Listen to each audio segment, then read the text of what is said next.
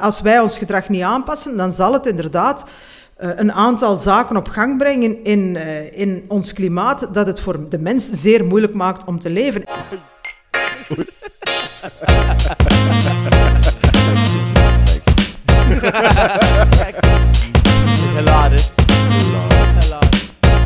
Welkom bij een nieuwe aflevering van Discours met de Boys. We zitten hier vandaag met Merem Almachi, ja. Beter bekend als de partijvoorzitter van Groen. Uh, welkom, Merem. Dank u. Ja, we zullen chingen. Ik pak heel de fles. Jullie pakken een glas en ik pak heel de fles. Het is, uh, wat er in ons glas zit, is nog steeds de klassieke uh, Jack Daniels Honey. Maar hij was op in de winkel, dus hebben we nu een variant klaarstaan. De Jim Beats? Jim Bean. Jim Bean. Jim Bean. dus we zullen zien wat het na deze glas geeft. Voilà, met ching. Laat, laat het smaken met hem. ik doe mentaal uh, mee, gezellig. Nogthans goed, zo.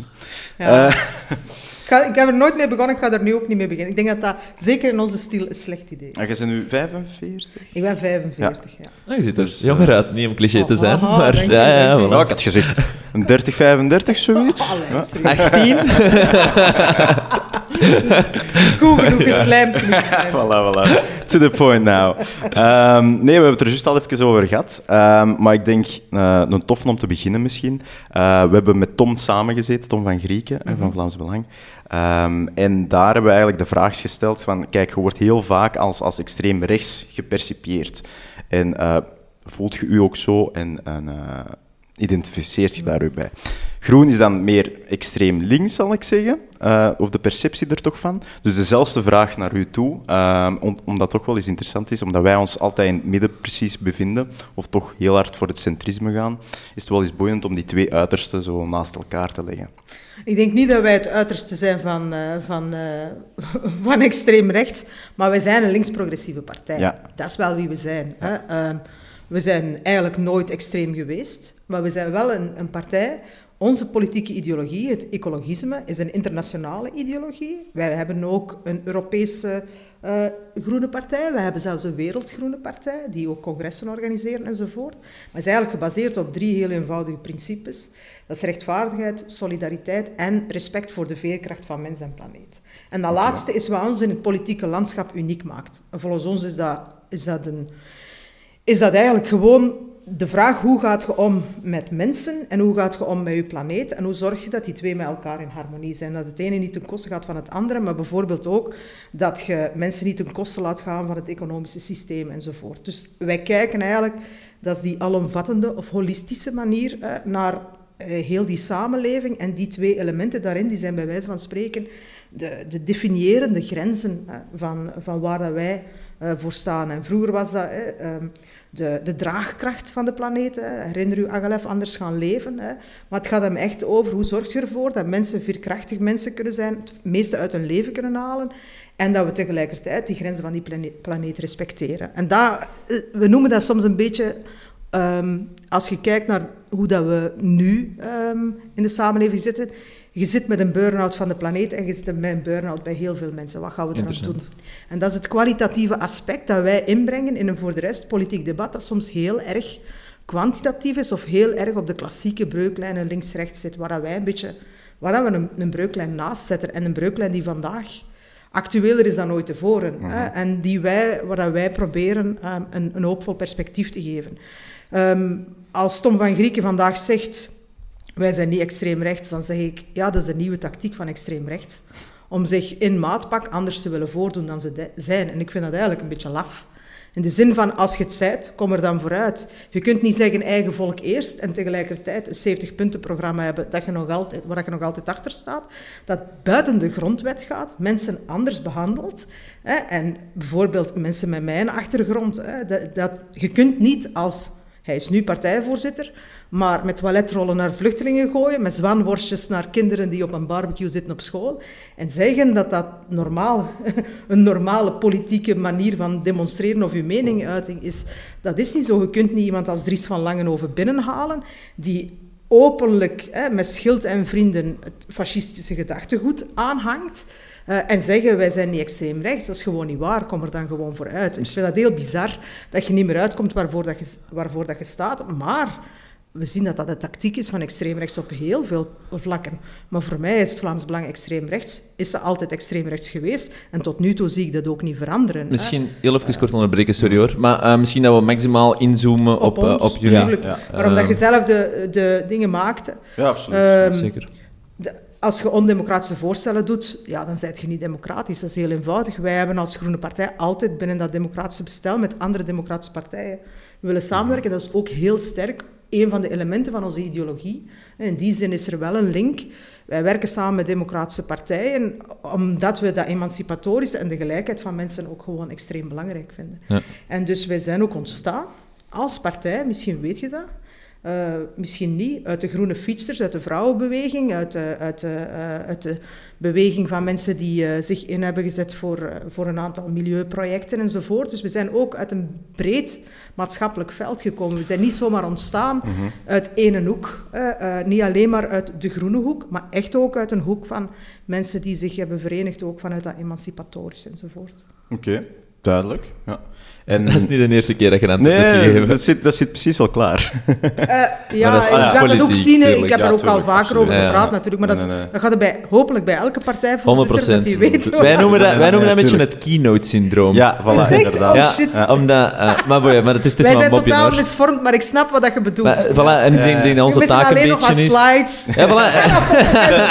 De points. En dan jullie die hier zitten.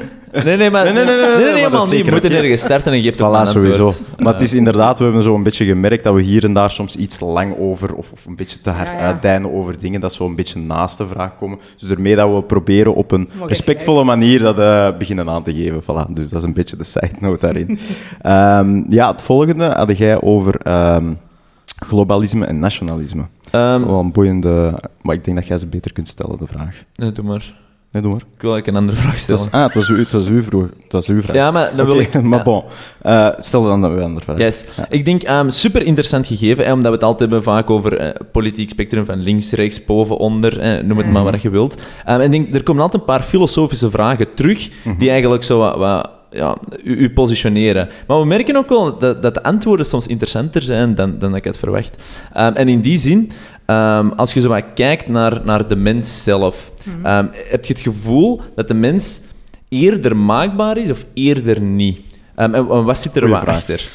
Ik geloof in de maakbaarheid van de samenleving. Ik geloof ook in de maakbaarheid van de mens. ik, uh, er zijn een aantal dingen... Kijk naar mij. Als je gewoon Merem Almassi nam, toen dat ik tien jaar was. Het gezin waarin dat ik geboren ben, negen kinderen in het Waasland, arbeidersgezin. Eh, vader en moeder eerste generatie allochtoon, uit Turkije gekomen, naar hier gemigreerd. Mijn moeder is gevolgd in de jaren 70. Een aantal zussen en broers geboren in Turkije en ik en een aantal anderen hier geboren. Mm-hmm. Volgens de statistieken zou ik hier nooit zitten als partijvoorzitter. Ja. Ik zou nooit de politiek zijn ingegaan. Ik zou nooit nice, ASO hebben gestudeerd. Ik zou nooit van zijn leven um, in deze stil zijn gerold. De verwachting was dat ik, net zoals alle andere meisjes in het Waasland met een Turkse achtergrond, Turkse Belg, dat ik zou snit en naad gaan studeren, dat ik vervolgens vroeg zou trouwen en huisvrouw zou zijn, cliché. of in, een, in, de textielindustrie, zoals mijn oudere zussen in Sint-Niklaas zou hebben gewerkt. Dat is niet gebeurd. En dat is niet gebeurd door een combinatie van dingen die ik zelf heb gedaan, uh, maar ook toevalligheden. En dat, dat, dat toont aan dat als je een aantal structurele veranderingen doet, dat je een leven totaal kunt veranderen.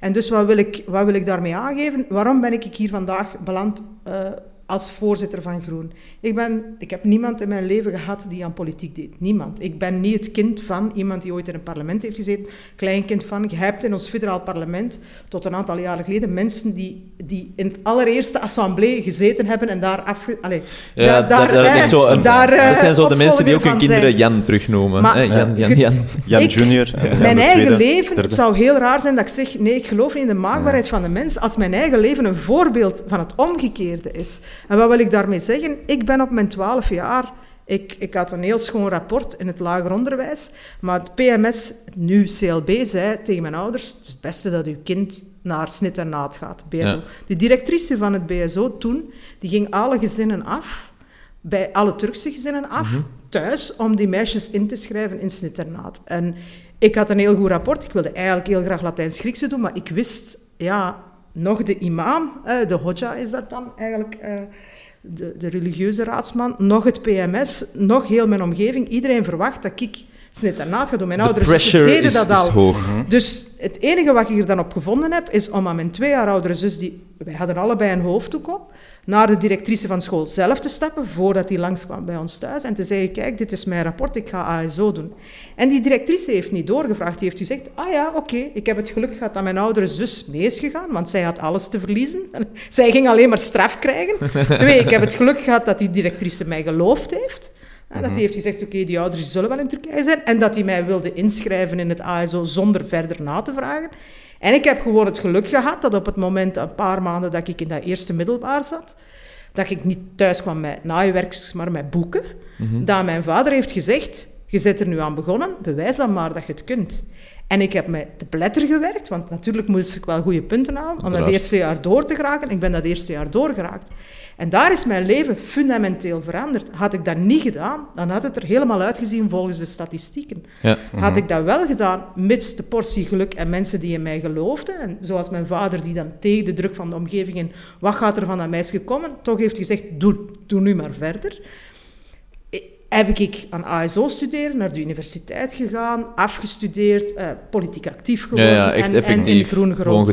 En dat toont dat als je ervoor zorgt dat kinderen met talenten die talenten op de juiste plek in het onderwijs kunnen ontwikkelen, dat er een heel andere toekomst voor hen is voorgelegd dan dat je zou verwachten uit een lagere sociale klasse, om dan dat woord te gebruiken, want wetenschappelijk is het gedepriveerd. Ja. Maar met een laag inkomen, met ouders die niet gestudeerd hebben en met een migratieachtergrond.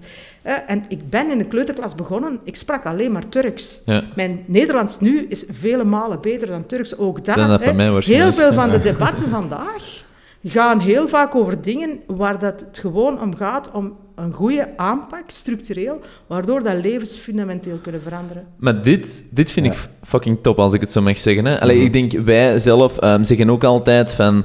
Uh, hoe moet ik het zeggen? er zijn zoveel manieren om het te zeggen, maar... De, de, tools aanreiken en aanbieden aan iedereen, zodat ze zichzelf kunnen ontwikkelen. En ook gewoon, het, het start ook gewoon bij jezelf. Want je mocht ook tools naar mensen in de kop mhm. smijten. Het start echt wel van, ik wil iets, ik kan iets, en ik kan Jij bent wel naar die directrice gestapt. Hè? Dus het komt ergens ook natuurlijk initieel van uw uitwij. Nu, let op. Is er twee dingen die ik wil zeggen. Oké. Eén. ik kreeg nog altijd snit en naad. Zelfs in thuis zo kregen wij nog altijd een lesuur uh, naaien. En, je vond dat kei dus- tof. Oh ja, ja, ik heb in de eerste les met een nagel genaaid. Dus is oké, okay, juffrouw. Dat is zeer, heel, die mate dat ik me dat nog herinner. En wij moesten zo van die maken en bij mij mislukte dat allemaal. En van die toiletstacjes. Dus ik mocht elke speeltijd nablijven om dat opnieuw te doen. Dus ik had een goede keuze gemaakt. Maar je zegt er wel iets heel interessant ik zit hier ook, ook omdat ik een grote mond heb. Ook omdat ik heel mhm. assertief ben. Mhm. Maar ik heb vriendinnen gehad in het zesde leerjaar die niet zo assertief waren als ik, maar wel even intelligent. En eigenlijk mag het daar niet van afhangen. Eigenlijk moet, moet, een PMS, CLB... Ondertussen zijn de tijden veranderd, hè, voor alle duidelijkheid, maar er zijn te veel verhalen mhm. zoals de mijne. Maar eigenlijk moet er een structuur zijn die zegt... Kind heeft dat talent, dat is het beste voor die toekomst. En dat er een context ontstaat waarbij dat niet moet afhangen van hoe assertief, en in mijn geval belachelijk assertief. Mhm. Maar ik heb zussen die minstens even intelligent zijn als ik en die nooit een diploma hebben gehaald, omdat die context voor hen ja, op dat moment er nog niet klaar voor was, omdat het omdat juist niet die portie toeval hadden. Ja. En, en dat mag het verschil niet maken. Ehm, ja en nee. Op zich, dit is, nu spreek ik voor mij, mhm. en, en veel zeker ze biedt ook aan, maar ik denk enerzijds moet er gefaciliteerd worden en kan dat beter, ontegensprekelijk. Want we hebben ook vaak over educatie, over hoe dat er toch nog wel wat, wat hiaten in zitten in functie van mensen effectief uh, verder te helpen in, functie van wie dat ze zijn.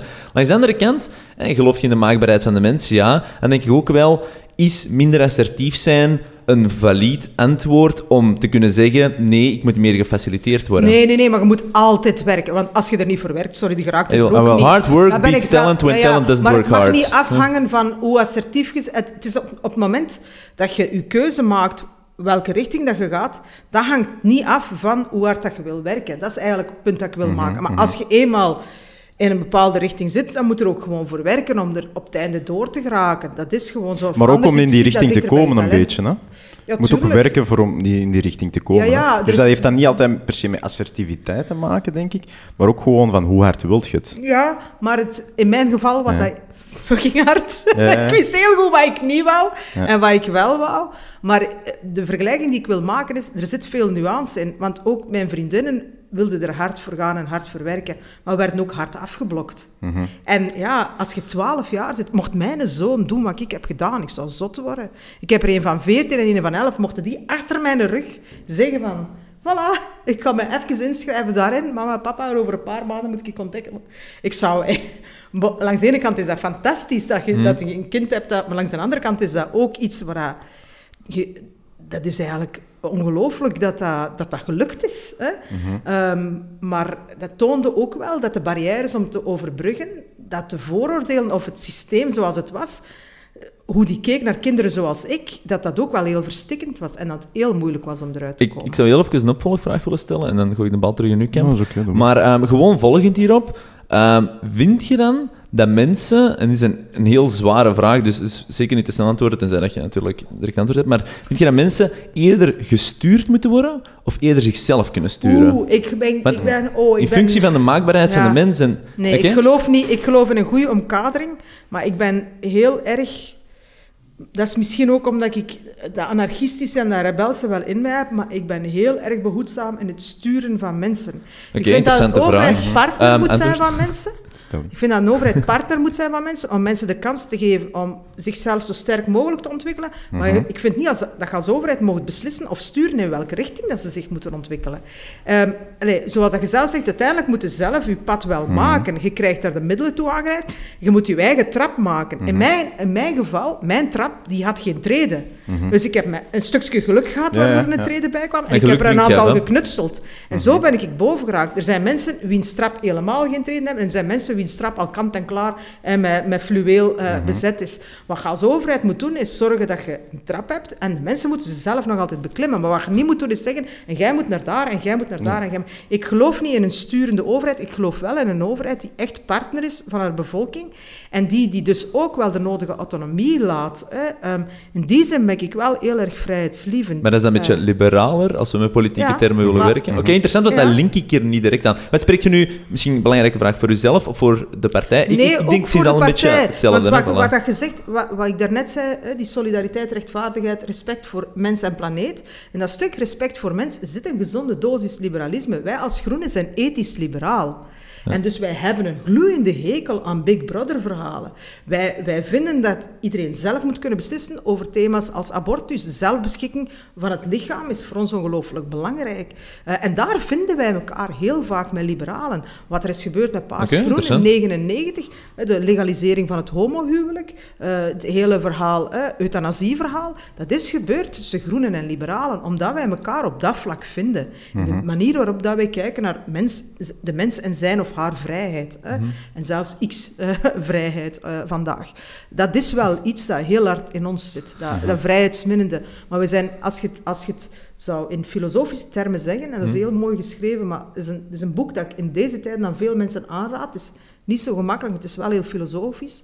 Dat is ehm, Liquid Modernity van Sigmund Bauman. Dat, dat is echt wat ik, als ik kijk naar de groene ideologie, veel in herken. Vrijheid en zekerheid. Een individu in verbondenheid. Elke mens heeft vrijheid nodig om, zich te, kunnen, om, om te kunnen zijn wie zijn, maar dat vertrekt vanuit een basiszekerheid, um, een basiswelvaart, uh, waarin dat je het goed hebt en niet moet voor je overleven elke dag vechten. En dan kun je je andere talenten ontwikkelen. Dus die combinatie van vrijheid en zekerheid is iets wat er echt ook wel bij, bij dat groene gedachtegoed herkenbaar inzet. We willen iedereen een basiszekerheid geven. En om dat te kunnen geven, bijvoorbeeld die klimaatverandering, om die ontwrichting en die onzekerheid te voorkomen, moeten we ook rekening houden met de grenzen van die planeet. Oké, heel goed antwoord. Arno, ik ga me moeten veronderstellen, maar ik zou nog één opvolgvraag Ja, maar doe maar. Ik, heb, uh, ben gewoon, ik ben daar gewoon akkoord. Ja. Um, maar dat is, we zijn echt nice antwoorden, vind ik. Heel interessant. um, maar als je, dan, als je dan kijkt... Deze is niet afgesproken of zo. Geloof, uh, ja, gelooft je in... Als je, als je moet kiezen, hè, of, of en waar ligt het gewicht eerder wel dan niet, geloof je in gelijke kansen of gelijkheid? In functie van de context ook wat je nu allemaal over spreekt. Ja, het is voor mij moeilijk om, om om, om, om erop te antwoorden, omdat ik niet helemaal weet hoe dat jij dat definieert. ik geloof in de fundamentele gelijkwaardigheid van elke mens. Maar om... Ik ben gelijkwaardig aan u, maar dat betekent niet dat ik dezelfde gelijke kansen heb. Snap je wat ik wil zeggen? Nee. Um, het zou, wij, wij zijn evenveel waard, maar om ons leven te kunnen ontplooien, heb jij andere dingen nodig dan dat ik nodig heb. we zijn niet hetzelfde. Nee, dus we, zijn, niet, hetzelfde, maar, we zijn wel gelijkwaardig. U, elke mens uh, is... Ik, ik, ik, een van de dingen waar ik tegen strijd als individu, en nu ga ik dat minder op groen betrekken, is uh, elke mens is gelijk, maar sommigen zijn gelijker dan anderen. Dat is iets waar ik van gruw. Ik vind elke mens is gelijkwaardig, maar je kunt niet zeggen dat we gelijk zijn. Iemand die gehandicapt is, vragen om even snel te, in een rolstoel om uh, op te staan en iets te doen waar jij die niet gehandicapt bent zomaar kunt. Dat, dat, is niet, dat, dat gaat niet. Hè? Maar je bent wel gelijkwaardig. Je bent als mens evenveel waard. Um, maar dat betekent niet dat je dezelfde dingen kunt en dat je niet een andere behoefte hebt om je talenten te kunnen ontwikkelen. Oké. Okay. Ik heb er een paar opvolgvragen over, maar dan is het erover. doe maar, doe maar. Oké, ik, ik, voel... Uh, gewoon even... Nu wil ik even in detail treden, puur om te zien of dat ik snap wat je bedoelt of niet. Maar ik zag in jullie visiestatement ook staan hmm. um, van...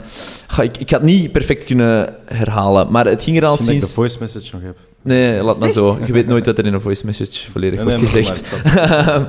maar uh, ja, je moet, uh, ja, je moet, je moet realistisch zijn. Hè? Wat voor voice message? Ja, wij zijn, wij zijn al twaalf jaar beste vrienden. Ah, Bij ons is er zoveel context en ruimte. Wij typen niet meer. Dat is, maar bon, dat is, dat is een heel ander topic. Maar wat ik wou zeggen, eh, terug serieus, is van... Um, ik heb jullie er was, geaccepteerd ondertussen. Er was alleszins iets van... Eh, ja, ik ben er bijna. Oké, perfect.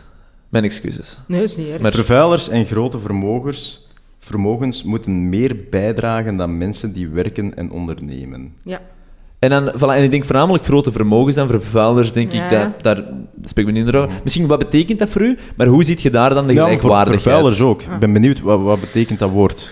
Maar ik denk dat vervuilers gaan we in het milieutopic komen. En ik denk als we even op de grote vermogens gaan, we kunnen het even in deze topic houden. Maar milieu is zeker nog De grote vermogens gaat echt over ongelijkheid. Hè? Dat gaat echt over de kloof tussen de, de, de top dogs, als je het dan zou zeggen, in de samenleving qua inkomen. En een gewone gemiddeld inkomen, een gewone burger. En de kloof daarmee is door de jaren heen en de afgelopen eeuw gigantisch gegroeid. Hè. Als je ook kijkt naar het loon van een CEO versus een gewone arbeider, dat is soms 50 keer zoveel als wat die een arbeider uh, verdient. Mhm. En die spanning daartussen wordt alleen maar groter. Dus als wij het hebben over de grote vermogens, dan zijn die vermogens waarvan we zeggen, die spanning is te groot. Dat is eigenlijk niet meer verantwoordbaar dat een CEO, denk aan de bankencrisis van 2008, daar, waar ik mezelf als politicus heel hard, ja, waar ik mij heel hard ook heb ingezet. Je komt niet meer, die, mensen, die mensen die, die, die die verantwoorden dat als, ja, maar onze, onze verantwoordelijkheid is zo groot dat wij wel verdienen om zoveel geld te verdienen. Hè? En heel hun carrière lang. Om een veelvoud te verdienen van wat een gewone burger verdient. En daar ook nauwelijks belastingen op te betalen, want dat is dan via allerlei constructies. En als het dan misloopt, zegde die... Ja, jammer, maar dat is ons overkomen. Maar als je zegt dat je zoveel waard zet omdat je zo fantastisch bent, ja, dan zou je zo fantastisch moeten zijn om dat te kunnen voorkomen. Da daar non. En, dan, en dus in die zin, het is, er is geen enkele reden om mensen zoveel te betalen. Niemand is supermens. Niet alleen de bankencrisis heeft al bewezen. Er zijn ook onderzoeken van, uh, van verschillende economen die zeggen, ja, je ziet die lonen van die mensen die hebben eigenlijk geen enkele link met hun reële prestaties. Dat is gewoon een opbod onder die CEO's, onder ehm, elkaar. of dat bedrijf het nu goed doet of slecht doet, die krijgen altijd geld. De gouden handdruk, de bonus, whatever. Er is dat, en zelfs bij de bankencrisis heb je dat gezien. Mhm. hè? Ze zijn dan oneervol moeten vertrekken, maar ze kregen toch nog een zak geld. Ja, ja, ja. En dus in die zin, het gaat over, mhm. over, over de, de welvaartsaccumulatie bij een grote groep. Ehm, die eigenlijk ongezond is, die de spanning in uw samenleving alleen maar doet toenemen. En waar dat ook mensen als Piketty en Wilkinson en Pickett enzovoort over hebben geschreven, waar dat wij van zeggen, er is geen enkele rationele reden dat mensen zoveel meer verdienen dan anderen. Erger nog, die komen dan ook nog terecht in belastingsconstructies waarbij dat ze bijna niks meer bijdragen aan die samenleving en alleen maar nemen van die samenleving. En dat is, allez, dat is iets waar, ideologisch wij van zeggen, sorry, maar die vermogens, die hebben de zwaarste, die hebben de breedste schouders, die moeten veel meer bijdragen. Hm.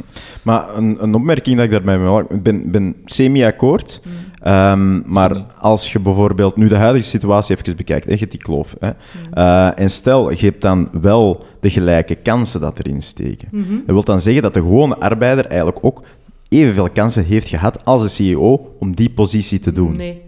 Nee, omdat als je gaat kijken wie die CEO's zijn, van waar ze zijn, wat de mhm. achtergronden zijn, dat die bijna bij, zonder uitzondering komen uit gezinnen waar al geld was.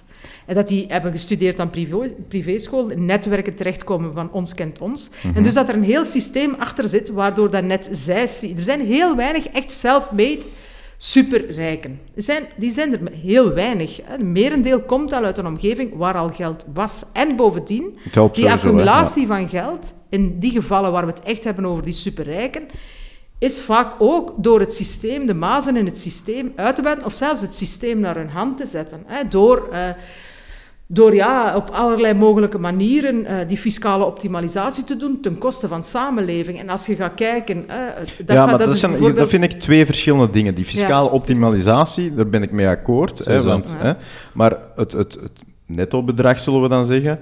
Ehm, daar ben ik minder mee akkoord. Want oké, je maakt die stellingen wel van, van inderdaad netwerking en afkomst. Maar ik wil maar zeggen, als we effectief die gelijke kansen kunnen creëren in de samenleving, dan, zou dan is iedereen een gelijke kans moeten hebben om rijk te worden. Alleen, gebeurt op dit moment niet op een, op een normale manier. Dat gebeurt zeer vaak door het systeem te kraken of te omzeilen of de, de maas in dat net te vinden. En daarom dat onze hoofdopdracht is ja, dat we dat systeem rechtvaardiger maken. Dat lijkt me licht En dat we ook bij, vragen aan diegenen die zoveel uh, geld hebben, dat die ook proportioneel evenveel bijdragen als dat we vragen van iemand met loon. Want dat is niet het geval.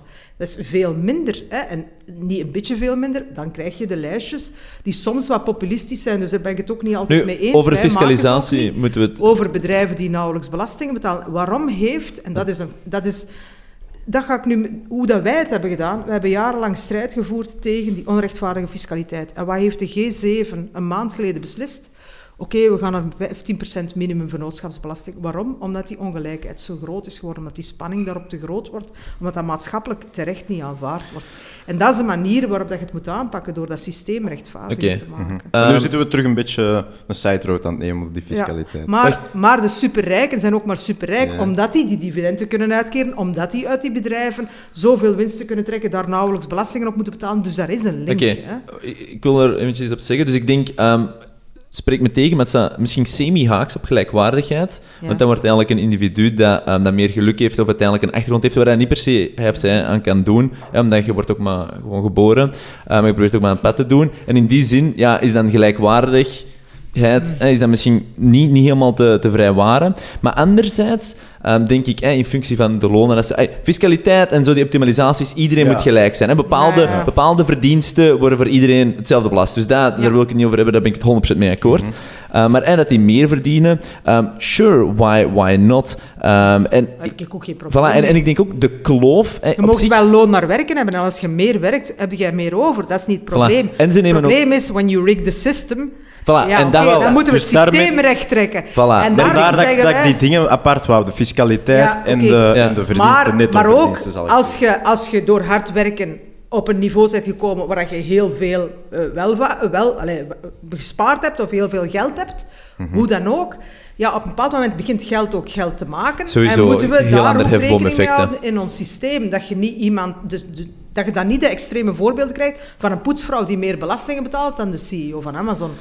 En nee, nee, maar dat, is, dat, is, absurd. Dat zijn de zaken waar het Maar, maar ik denk ook wel, hè, mensen die wat meer verdienen, hebben het algemeen wat meer risico, positioneren hun leven er wat meer. Hoor, van mij mag dat uh, perfect. Dus, dus ja, ik ben, ik ben niet volledig akkoord met die, uh, met die soort mensen of structuren anders te gaan behandelen, maar ik ben 100% wel akkoord met dat iedereen gelijk moet behandeld worden. Maar daarom ja, dat, ja. ik denk, mijn statement, en ik kijk ook van Arno, maar is eerder gelijke kansen, 100%, maar iedereen eh, gelijk, dat denk ik minder, um, omdat ik daar gevoel dat we dan iedereen eigenlijk hetzelfde wil maken. Ja, en die niet het doel mag zijn. We moeten zorgen dat iedereen een soortgelijk platform heeft om uh, zichzelf te ontplooien. Maar aan de andere kant moet, uh, kant moet ook niet stom doen. We leven in het leven. Mhm. En survival of the fittest is nu eenmaal een ding. Waarmee dat ik wil bedoelen, er is altijd een top 1%. Ongeacht wat je gaat doen, mhm. er is altijd een top 1%. Top 1% talent, top 1% dit, top 1% mhm. geld.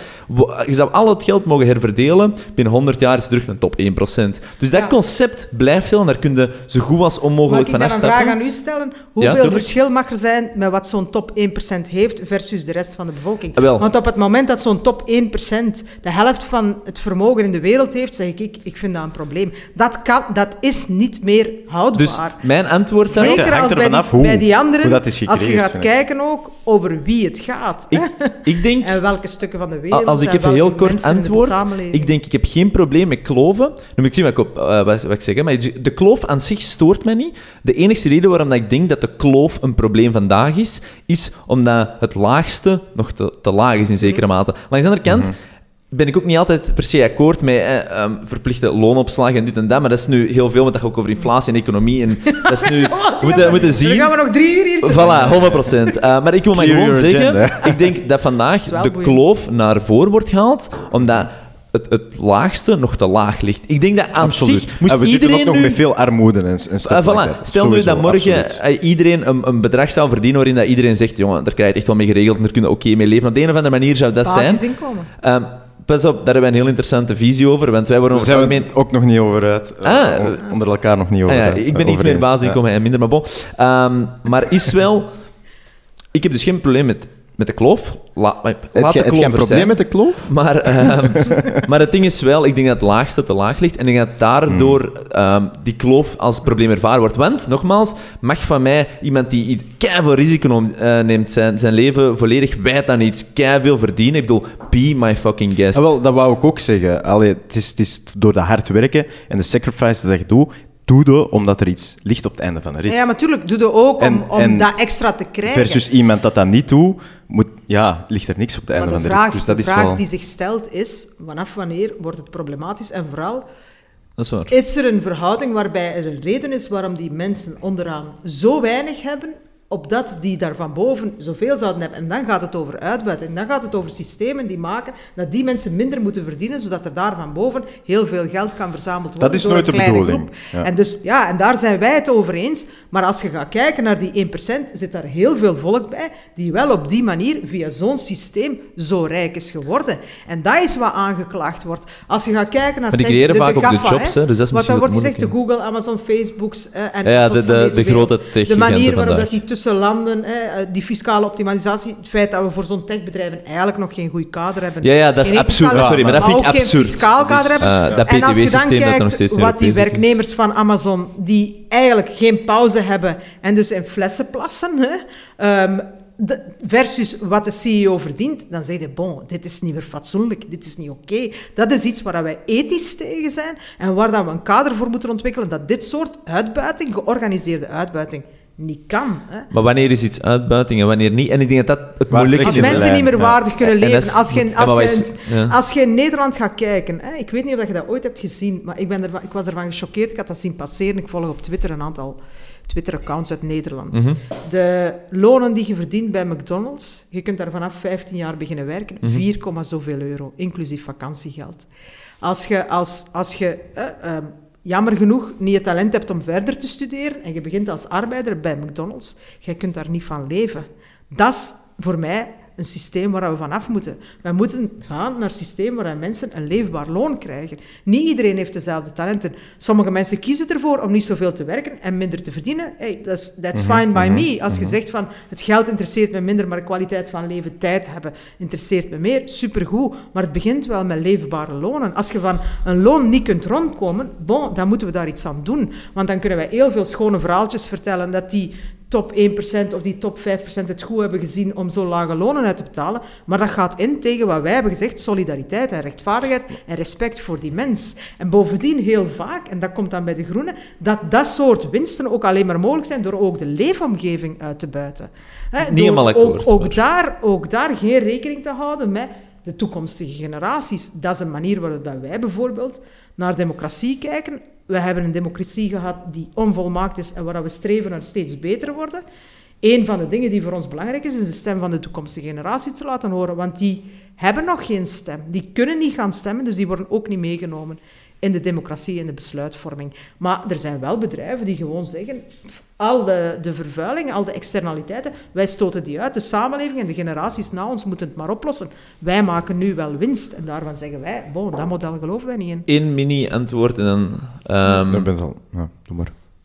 Ik, ik, denk ook dat je de uitspraak gaf, um, en spreek me zeker tegen, hè, dat de meeste mensen deugen, of dat je dat wel kon aansluiten bij jou. Dus ik weet niet of dat mensen altijd zo negatief zijn. Want uiteindelijk, niet vergeten, hè, bij de grotere bedrijven, en nogmaals, fiscaal, er zijn uitbuitingen. Hè, maar als we nu gewoon even mhm. kijken, ik denk dat het, systeem zit ook een beetje dwars, want ja, er is dan keihard pressure van shareholders. Mhm. Shareholders zijn dan vaak de gemiddelde mens, hè, die, die dan net hè, een aandeel hebben met hun geld van, oeh, ik ga extra verdienen.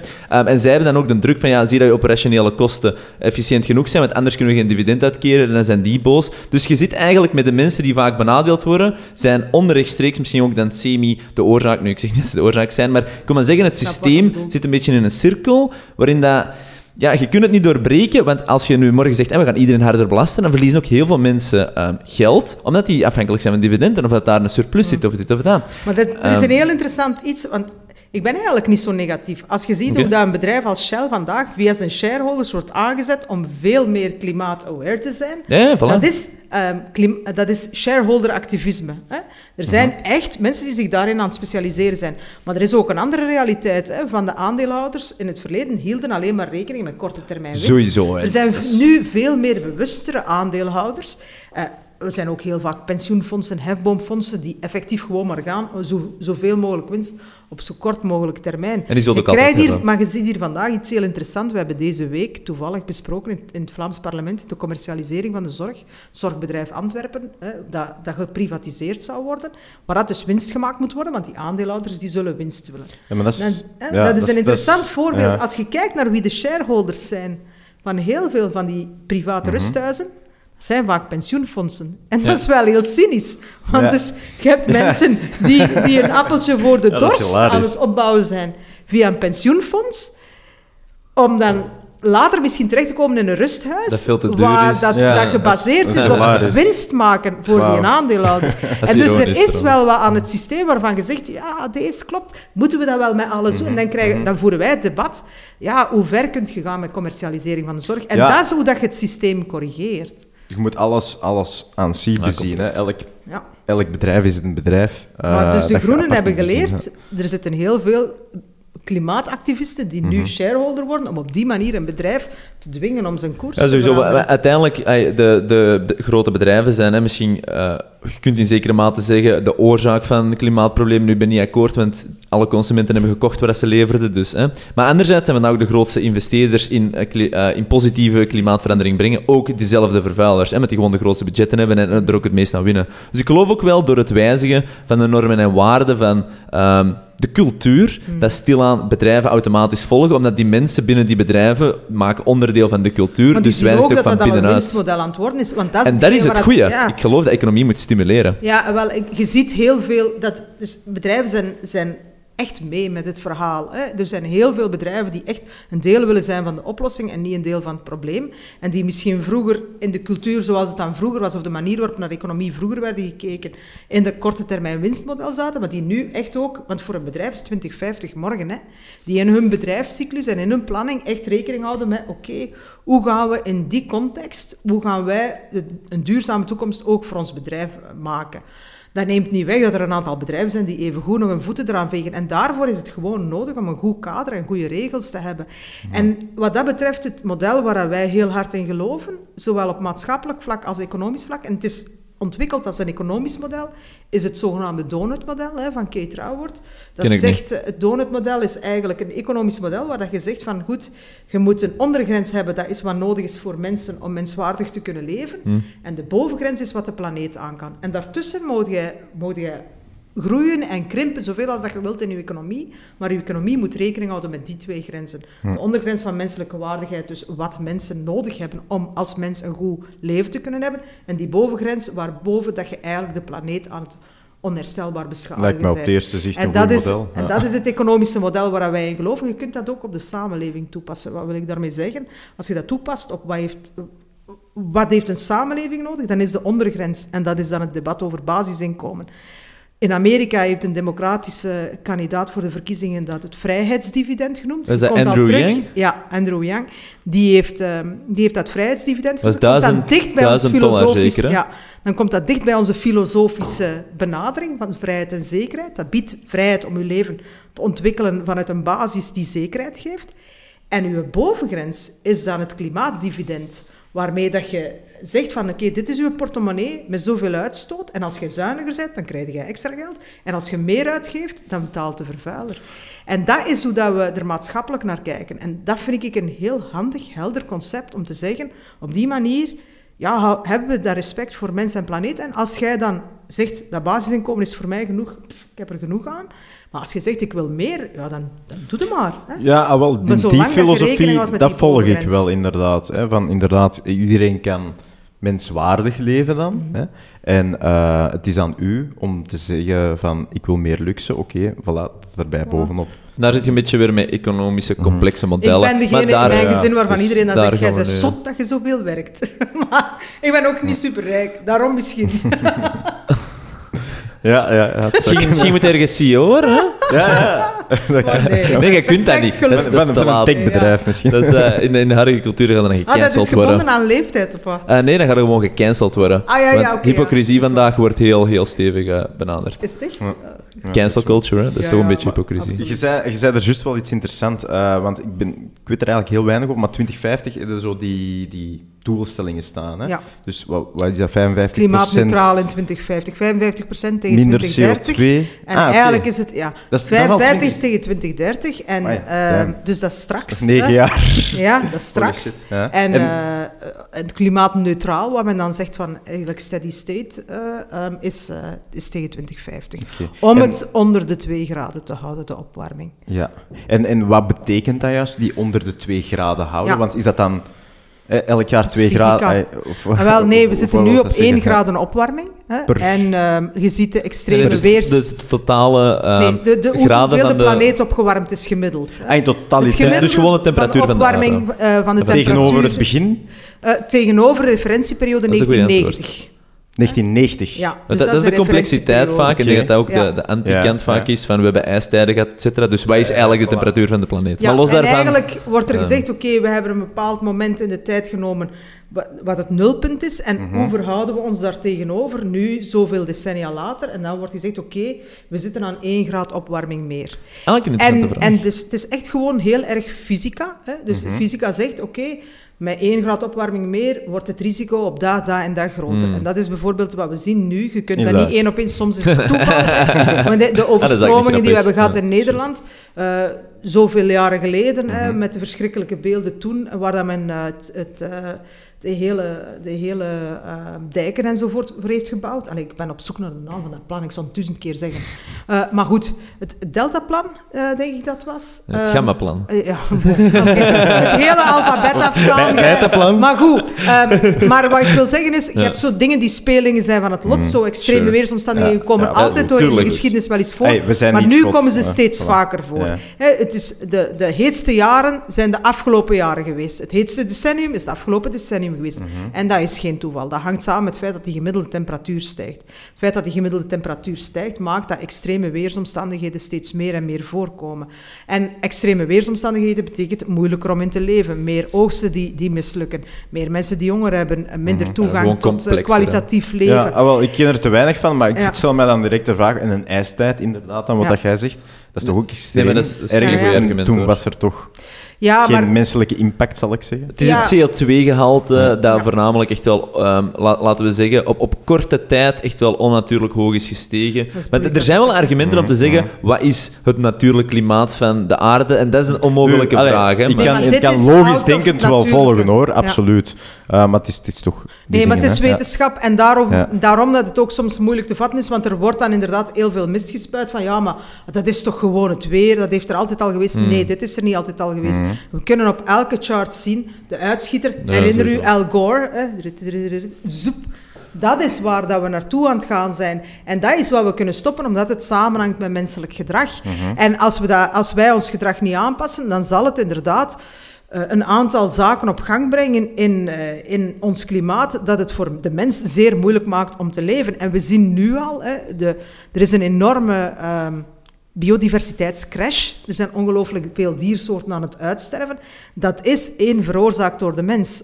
Dus de, de, de biodiversiteitscrisis die we nu meemaken is het gevolg van onze menselijke activiteit, van klimaatverandering enzovoort. De druk die we op die planeet zetten is gewoon zeer groot als mensheid. Dat is ontegensprekelijk. En, en dat, is, dat is inderdaad ontegensprekelijk zo. En vandaar dat, dat wij ook als wij horen dat collega's zeggen, ja, maar we gaan maar voor een doelstelling, die doelstelling van 55% die je zegt, dat is heel abstract. Ja, wat wil dat zeggen? Maar dat is eigenlijk gewoon wat wetenschappers, wiskundigen, fysici zeggen op basis van hun wetenschappelijke wiskundige modellen, die zeggen, oké, als we het onder de 2 graden willen houden, dan moeten we tegen dan zoveel minder CO2 uitstoten. Dus dat is onze doelstelling. Dat is geen doelstelling die een politieke consensus is, dat is gewoon een harde wetenschappelijke doelstelling gebaseerd op wat men ziet gebeuren in die modellen, op die projecties.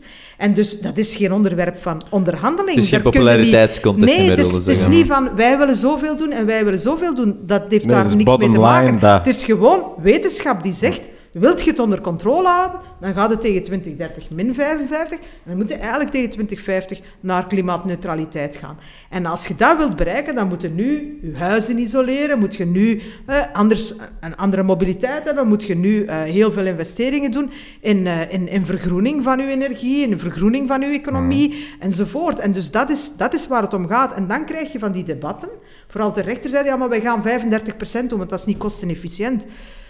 Ja, bon, het, hoe langer dat je wacht, hoe duurder het wordt. dus het is, het is gewoon een mhm. uitstel van executie. Het wordt alleen maar duurder. En twee, die fysica die onderhandelt niet. Dus wat, die, wat wij vinden als politici, dat zal... dat is irrelevant. Die, fysiek, mhm, die mhm. fysieke wetten houden daar gewoon niet rekening mee. Dat is, inderdaad niet relevant. Die, die 55 is Europees vlak, denk ik. Hè? Ja, Europa heeft beslist, de Fit for 55, dat dat de doelstelling is om samen na te streven als Europa, als een heel welvarende regio, met dus een hele grote voetafdruk, waar dat heel veel producten voor geproduceerd worden in andere landen, met daar een enorme impact Consumerism is zeker aanwezig hier. Ja, en dus zorgen dat, dat Europa uh, naar 2050 uh, 55 procent uh, vermindert Eigenlijk zou het 65 moeten zijn, maar het is wel een, een serieuze boodschap naar de buitenwereld dat mhm. Europa het serieus pakt. Wij blijven duwen om te doen wat nodig is, wat die wetenschappers ons zeggen.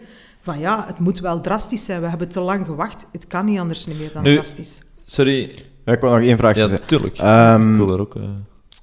Hoe staat België tegenover de rest van Europa? Dat vond ik wel een boeiende. Tot voor kort, dus tot twee jaar geleden, was België in Europa een van de klimaatfossielen. Hè. Mhm. Wij hadden eigenlijk geen... ja, we hebben die prijs ook gekregen. Um, omdat we... Ja, we hebben die... Ja, bedenkelijke prijs. Ja, prijs, ja. We hebben die prijs gekregen Als je wint, dan win je, internationaal... Eindelijk is een prijs! Oh, go, go, Belgium. Zo kijken we er nu niet naar. Maar het is wel, allee, het is wel schaamtelijk. Wij gingen naar klimaattoppen zonder enig... Allee, zonder enige ambitie, zonder enig akkoord. Um, en dus ja, er was de afgelopen 17 jaar gewoon bitter weinig klimaatambitie. En België zei, ja, we zijn een klein landje, dus de rest van Europa moet het doen, of de rest van de wereld moet het doen. Maar als klein landje, Earth Overshoot Day, dat is zo'n indicator van wanneer... Ja, ja dat is zo'n 280ste dag of zoiets ondertussen. Dus mhm. nu, wereldwijd, is Earth Overshoot Day de dag dat we eigenlijk onze grondstoffen voor een jaar, voor, vanuit respect en veerkracht voor die planeet... Mhm. Als je daar rekening mee houdt, dan heb je eigenlijk een soort portefeuille voor een jaar. En dan zou je een jaar mee moeten kunnen toekomen voordat je begint in te teren op de komende generaties en op het volgende jaar. Wel, op dit moment wereldwijd valt dat op 29 juli, dus dat is binnenkort. België is dat in maart. En dus het, het is dat... Dat is nou een, export, een, een Ja, dat, dat komt omdat dus- wij heel veel verbruiken, heel veel uh, producten hebben met een grote voetafdruk, die naar ons worden gestuurd, dat wij hier verbruiken enzovoort. En omdat wij ons afval veel te weinig echt circulair hergebruiken enzovoort. Dus er is wel een, een stap te gaan. Hè. Maar het, het, wil wat zeggen als het gemiddelde van de wereld 29 juli is en bij ons ligt het in maart. Hè. Mhm. dat, wil, dat wil zeggen dat wij een land zijn met een gigantische voetafdruk, dat dus ook een grote verantwoordelijkheid heeft. Dus voor ons als Groene Partij is het onbegrijpelijk dat je met die vaststelling zegt, de rest moet het maar doen, want wij zijn te klein. Ook dat is mensen uh, ja, dingen wijsmaken. Hè. Wij hebben wel degelijk een grote impact, gezien het feit dat wij als kleine burgers een klein land zoveel voetafdruk hebben. En dus we zullen het allemaal samen moeten doen. Het afschuiven op een ander, het is net zoals de coronacrisis. Het zijn eigenlijk twee zijden van dezelfde medaille. Het is, je gaat het maar alleen kunnen verslaan door samen te werken. En dat is wel de boodschap waar we nu zitten. We hebben te lang gewacht, oké, maar het kan nog altijd. Dus de enige hoop komt uit actie en uit samen actie ondernemen en ook doen wat moet voor ons als land. En twee jaar geleden was de regerings... Eh, de regerings ehm, om het dan zo te zeggen, of de politiek van de vorige Zweedse regering heel weinig ambitieus. Vivaldi heeft echt wel een andere weg ingeslagen. Het is Alexander de Croo die heeft gezegd, het is de groen, het groenste regeerakkoord ooit. We hebben daar ook heel hard aan gewerkt, mhm. ehm, omdat het ook gewoon nodig is. Maar Vlaanderen moet wel mee willen. Als Vlaanderen zegt, ja, Europa 55, dat is heel tof, maar wij gaan voor 35, dan zeg ik, maar wat voor kansen gaan we daarmee missen? Als hier in de haven bedrijven bezig zijn met met inderdaad die circulariteit met een andere richting in te slaan. Als andere landen rondom ons dat pad opgaan en wij niet, dan gaan we economische kansen missen. En twee, ja, opnieuw, fysica onderhandelt niet. Sowieso. Dus dan zijn wij deelloyaal tegenover de rest van de wereld. En voor een stroming zoals de onze, die hm. internationaal en zonder grenzen denkt, is dat een heel bizarre houding. het voelt inderdaad wel een beetje korte termijn versus lange termijn. Ja. Misschien um, een opvolgende vraag, want je, je hebt superveel interessante dingen gezegd. Nu kunnen we over veel uh, uh, dingen... We kunnen op café de leukste dingen zijn Een vaste wekelijkse sessie van maken. Uh, maar, ga intenser. Nee, um, nee, ik denk... Oké, dus, dus één, ik denk belangrijk, eh, klimaatverandering is super reëel, want het is niet omdat je kritisch bent, want mm. de, de twee worden, worden nogal snel door elkaar geslagen, dus laat duidelijk zijn. Sowieso, klimaatverandering is een ding, maar je geeft er juist aan, wetenschap onderhandelt niet, klopt, mm-hmm. maar wetenschap heeft misschien soms ook een, een, een relatief eenzijdig perspectief. En dan durf ik... Mm-hmm, eh, ik haat het om te ballen over corona, ik ben zo kotsbeu, maar ik ga het heel even kort doen. En ik denk dat we in corona ook heel hard naar de wetenschap hebben geluisterd. Um, dat heeft enkel economische schade gecreëerd. En je denkt, hoe economie, fuck it. Maar uiteindelijk heeft economie dan wel heel veel impact op de gewone mens. En ik denk, eh, al die mm. initiatieven voor klimaatverandering zijn ook niet goedkoop. Iemand moet die betalen. Um, en dat geld moet van ergens komen. En dat moet dan... Uh, dus dat is, dat is, breed. En we moeten dat doen, want anders wordt het duur en zo. Mm. Maar ik denk, uh, ondanks dat klimaatverandering reëel is, en we moeten, daar voor, we moeten daar full aan voor gaan, is er ook wel, denk ik, het economische verhaal, dat dan automatisch ook terugslaagt op het menselijke verhaal. Maar er ook niks aan doen, slaagt ook terug op het menselijke verhaal. Maar ik denk, met corona hebben we misschien, dat is mijn persoonlijke mening en niet per se gesubstantieerd, maar, maar met corona hebben we misschien iets te veel geluisterd mm. naar um, wetenschappers. En dan bedoel ik ook de, de wetenschappenwetenschapper. Hè. De social sciences is ook wetenschap. Ik denk, ja. mental health is ook iets heel belangrijk. Uh, financiële realiteit heeft er ook heel veel impact op. Dus, en dat zijn factoren die misschien minder in rekening werden gebracht met andere zaken. Dus je kunt wel snel misschien in een soort van... Um, hokje gestoken worden, waarin dat je ja, dan, dan vastzit. Nu, dat is, hmm. hebben wij al ondervonden, denk ik, het voordeel van partijpolitiek. Iedereen zit in zijn eigen hokje, maar je moet uiteindelijk vinden met elkaar. Dus dat is dan zeker het antwoord om uh, tot het midden te komen, of dat is het huidige antwoord toch. Maar hoe ziet je, de, hoe ziet je dat? Dus dat is niet echt een vraag, hè, maar zo om dat te hard te luisteren naar, naar wetenschap alleen, en ik ben keihard pro-wetenschap, maar niet de andere factoren. Want je hebt niet alleen... Je hebt second- en third-order consequences, hè. Daar kunnen niet rond. Nee, misschien, misschien een aantal dingen, want wat je zegt is super boeiend. En is ook wel iets waar we mee geworsteld hebben. Allee, ik kan alleen maar voor mijn eigen spreken, maar ik denk gans de politiek heeft daarmee geworsteld. Tenzij dat je aan de zijkant staat en sowieso op alles schiet. Maar wij hebben dit met onze generatie nog nooit meegemaakt. Je kunt teruggaan naar de Spaanse griep, maar er zijn niet veel mensen die van toen die nog leefden. Laat staan leiding. om, de, om de zoveel jaren komt er dus wel. Je hebt, pandemieën zijn niet nieuw voor de mensheid. Hè, um, maar um, de vraag van de oorzaak van deze pandemie, dat zal allemaal nog onderzocht worden. Ja, voilà. Dus. maar ook irrelevant uiteindelijk. Ja, dus. we zitten ermee en hoe gaat het ermee om? Exact. En dan is de vraag, oké, wetenschappers zeggen, uh, die leren ook elke dag bij uh, je, moet, je moet anderhalve meter afstand van elkaar houden, je moet alles ontsmetten, uh, we hebben een lockdown nodig ja, enzovoort. De... Er zijn twee dingen die relevant zijn. Wat jij zegt is, ja, die, wat, door zo hard naar de wetenschap te luisteren, hebben we onze economie meer schade aangedaan. Dan hadden we dat niet gedaan of hadden we dat wat genuanceerder gedaan. Er is ondertussen een onderzoek in Amerika gebeurd die zegt, het is eigenlijk de beste manier geweest om onze economie te beschermen. Dat is heel contra-intuïtief, maar de lockdown was nodig, omdat als we het niet aanpakten en het niet deden, dat de ravage groter was geweest, ook economisch, door het aantal mensen, door de implosie van, de, van ons zorgsysteem enzovoort. Je kunt natuurlijk niet één op één elke economie met elkaar vergelijken. Maar, maar ik even grof Het zorgsysteem van Amerika is ook anders dan hier. Maar er is wel zeker in het begin de, de vraag geweest, als we het gewoon de boel de boel laten, hè, en de vraag is, is uw vraag zo zwart-wit, dus dat is voor mij wel belangrijk. Dat het is een zwart-witte vraag, hoor. Als je niet in lockdown was gegaan, was uw economie inderdaad ook in shutdown gegaan, omdat uw zorgsysteem implodeert, omdat mensen schrik krijgen, omdat je, omdat je met veel meer zieken zit dan dat je had moeten zitten. Ik, ik, denk, ik denk mijn, mijn tegenreactie is erop, ik heb daar een persoonlijke mening op, maar die boeit iets minder, maar wat ik vooral wil zeggen is van... Ehm, maar, maar het is ook genuanceerder. Ik denk, er zijn zoveel verschillende in terecht geworden dat niemand vandaag weet hoe, wie, wat, alles in elkaar zit. Maar er speelt te veel. Maar ik denk gewoon, um, ja, hadden dingen anders gekunnen? En dat, dat denk ik wel. En, maar dan, dan moet ook meer met normen en waarden gaan. Hoeveel is een mensenleven waard? Hoeveel moet je in functie daarvan doen? Dus daar wil ik het niet per se op trekken.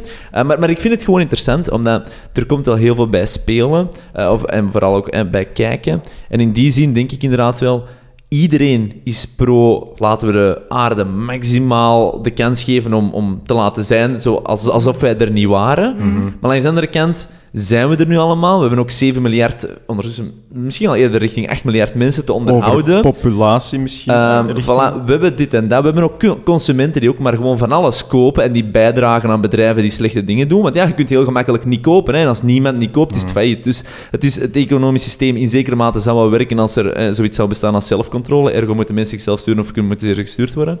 Um, maar ja, nee, dus, dus daarom dat ik even wat inzoomen Nee, maar om, om voor te gaan op corona, maar u, er zijn fouten gebeurd. Het is voor, er is ook voortschrijdend inzicht geweest. Het maar dat is, interessant dat je dat luid zegt. Jaar, het is honderd mhm. jaar geleden dat, we dat, hebben, dat ons zou eens mhm. overkomen, grosso modo.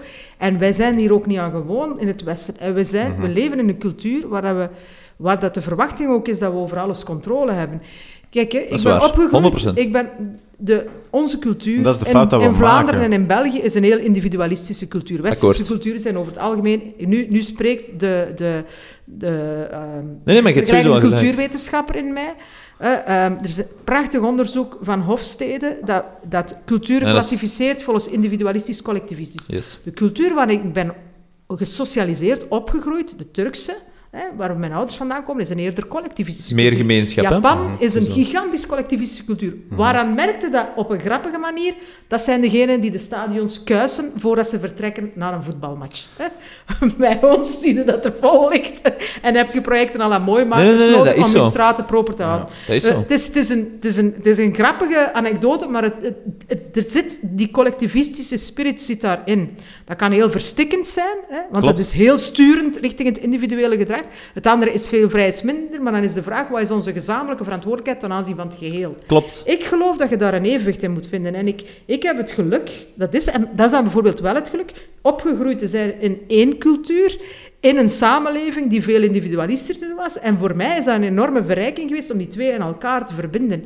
En ik denk dat een, dat een cultuur, een samenleving in balans beide nodig heeft. Mensen die zich individueel kunnen ontplooien, maar ook een zekere verantwoordelijkheid hebben ten aanzien van het grotere geheel. Want dat hebben we nodig om die zaken het hoofd te kunnen bieden. En wat er met corona is gebeurd, is dat we in een individualistische samenleving zitten, waar, de, waar dat we iets gebeurde waar we geen controle over hadden. En dan naar elkaar kijken van oké, wie gaat dat oplossen? Wiens verantwoordelijkheid is dit? En het is een collectieve verantwoordelijkheid. En de meeste mensen hebben die collectieve verantwoordelijkheid heel goed opgepakt. Maar dan is er ook de vraag, ja oké, wie gaat ons schetsen? En eerlijk is eerlijk, in de eerste fase waren dat vooral de wetenschappers. Toen was er ook een regering in een, een, regering die ontslagnemend was. Hè. Dat was toen nog met Sophie Wilmes als, als, uh, als, als uh, premier van de ontslagnemende regering. Ja, toen waren er ook alleen maar de wetenschappers om naar de studio te komen. Dus uw vraag van ja, hebben we ons daar niet te veel door laten domineren, daar wil ik altijd wel over praten. Maar ik denk dat zij niet per se vragende partijen waren. Maar er was gewoon niemand anders nee, op dat moment. Uh, maar ja. Nee, ze zullen altijd meningen begeven, maar ik denk dat het belangrijk is... Maar, moet, bon, dat is een detail. Maar je moet... Wat, wat, dat je, wat dat ik wel heb geleerd is... Op dit moment zit iedereen wel op zijn tandvlees en dat mentaal welzijn, dat is ook iets wat we van in het begin hebben gezegd. Een van de zaken, ik heb het afgelopen anderhalf jaar, omdat mensen het zo moeilijk hadden, had ik ook zoiets van, het is niet het moment voor politiek om onder elkaar veel um, perceptieoorlogen of debatten te voeren. Wij moeten nu zorgen hè, dat, dat we zo snel mogelijk die coronacrisis onder controle hebben. Maar in die eerste lockdown, toen het moment daar was dat men zei, je moogt uw familie zien in de HEMA, Toen heb ik wel gezegd, Ola, wacht even.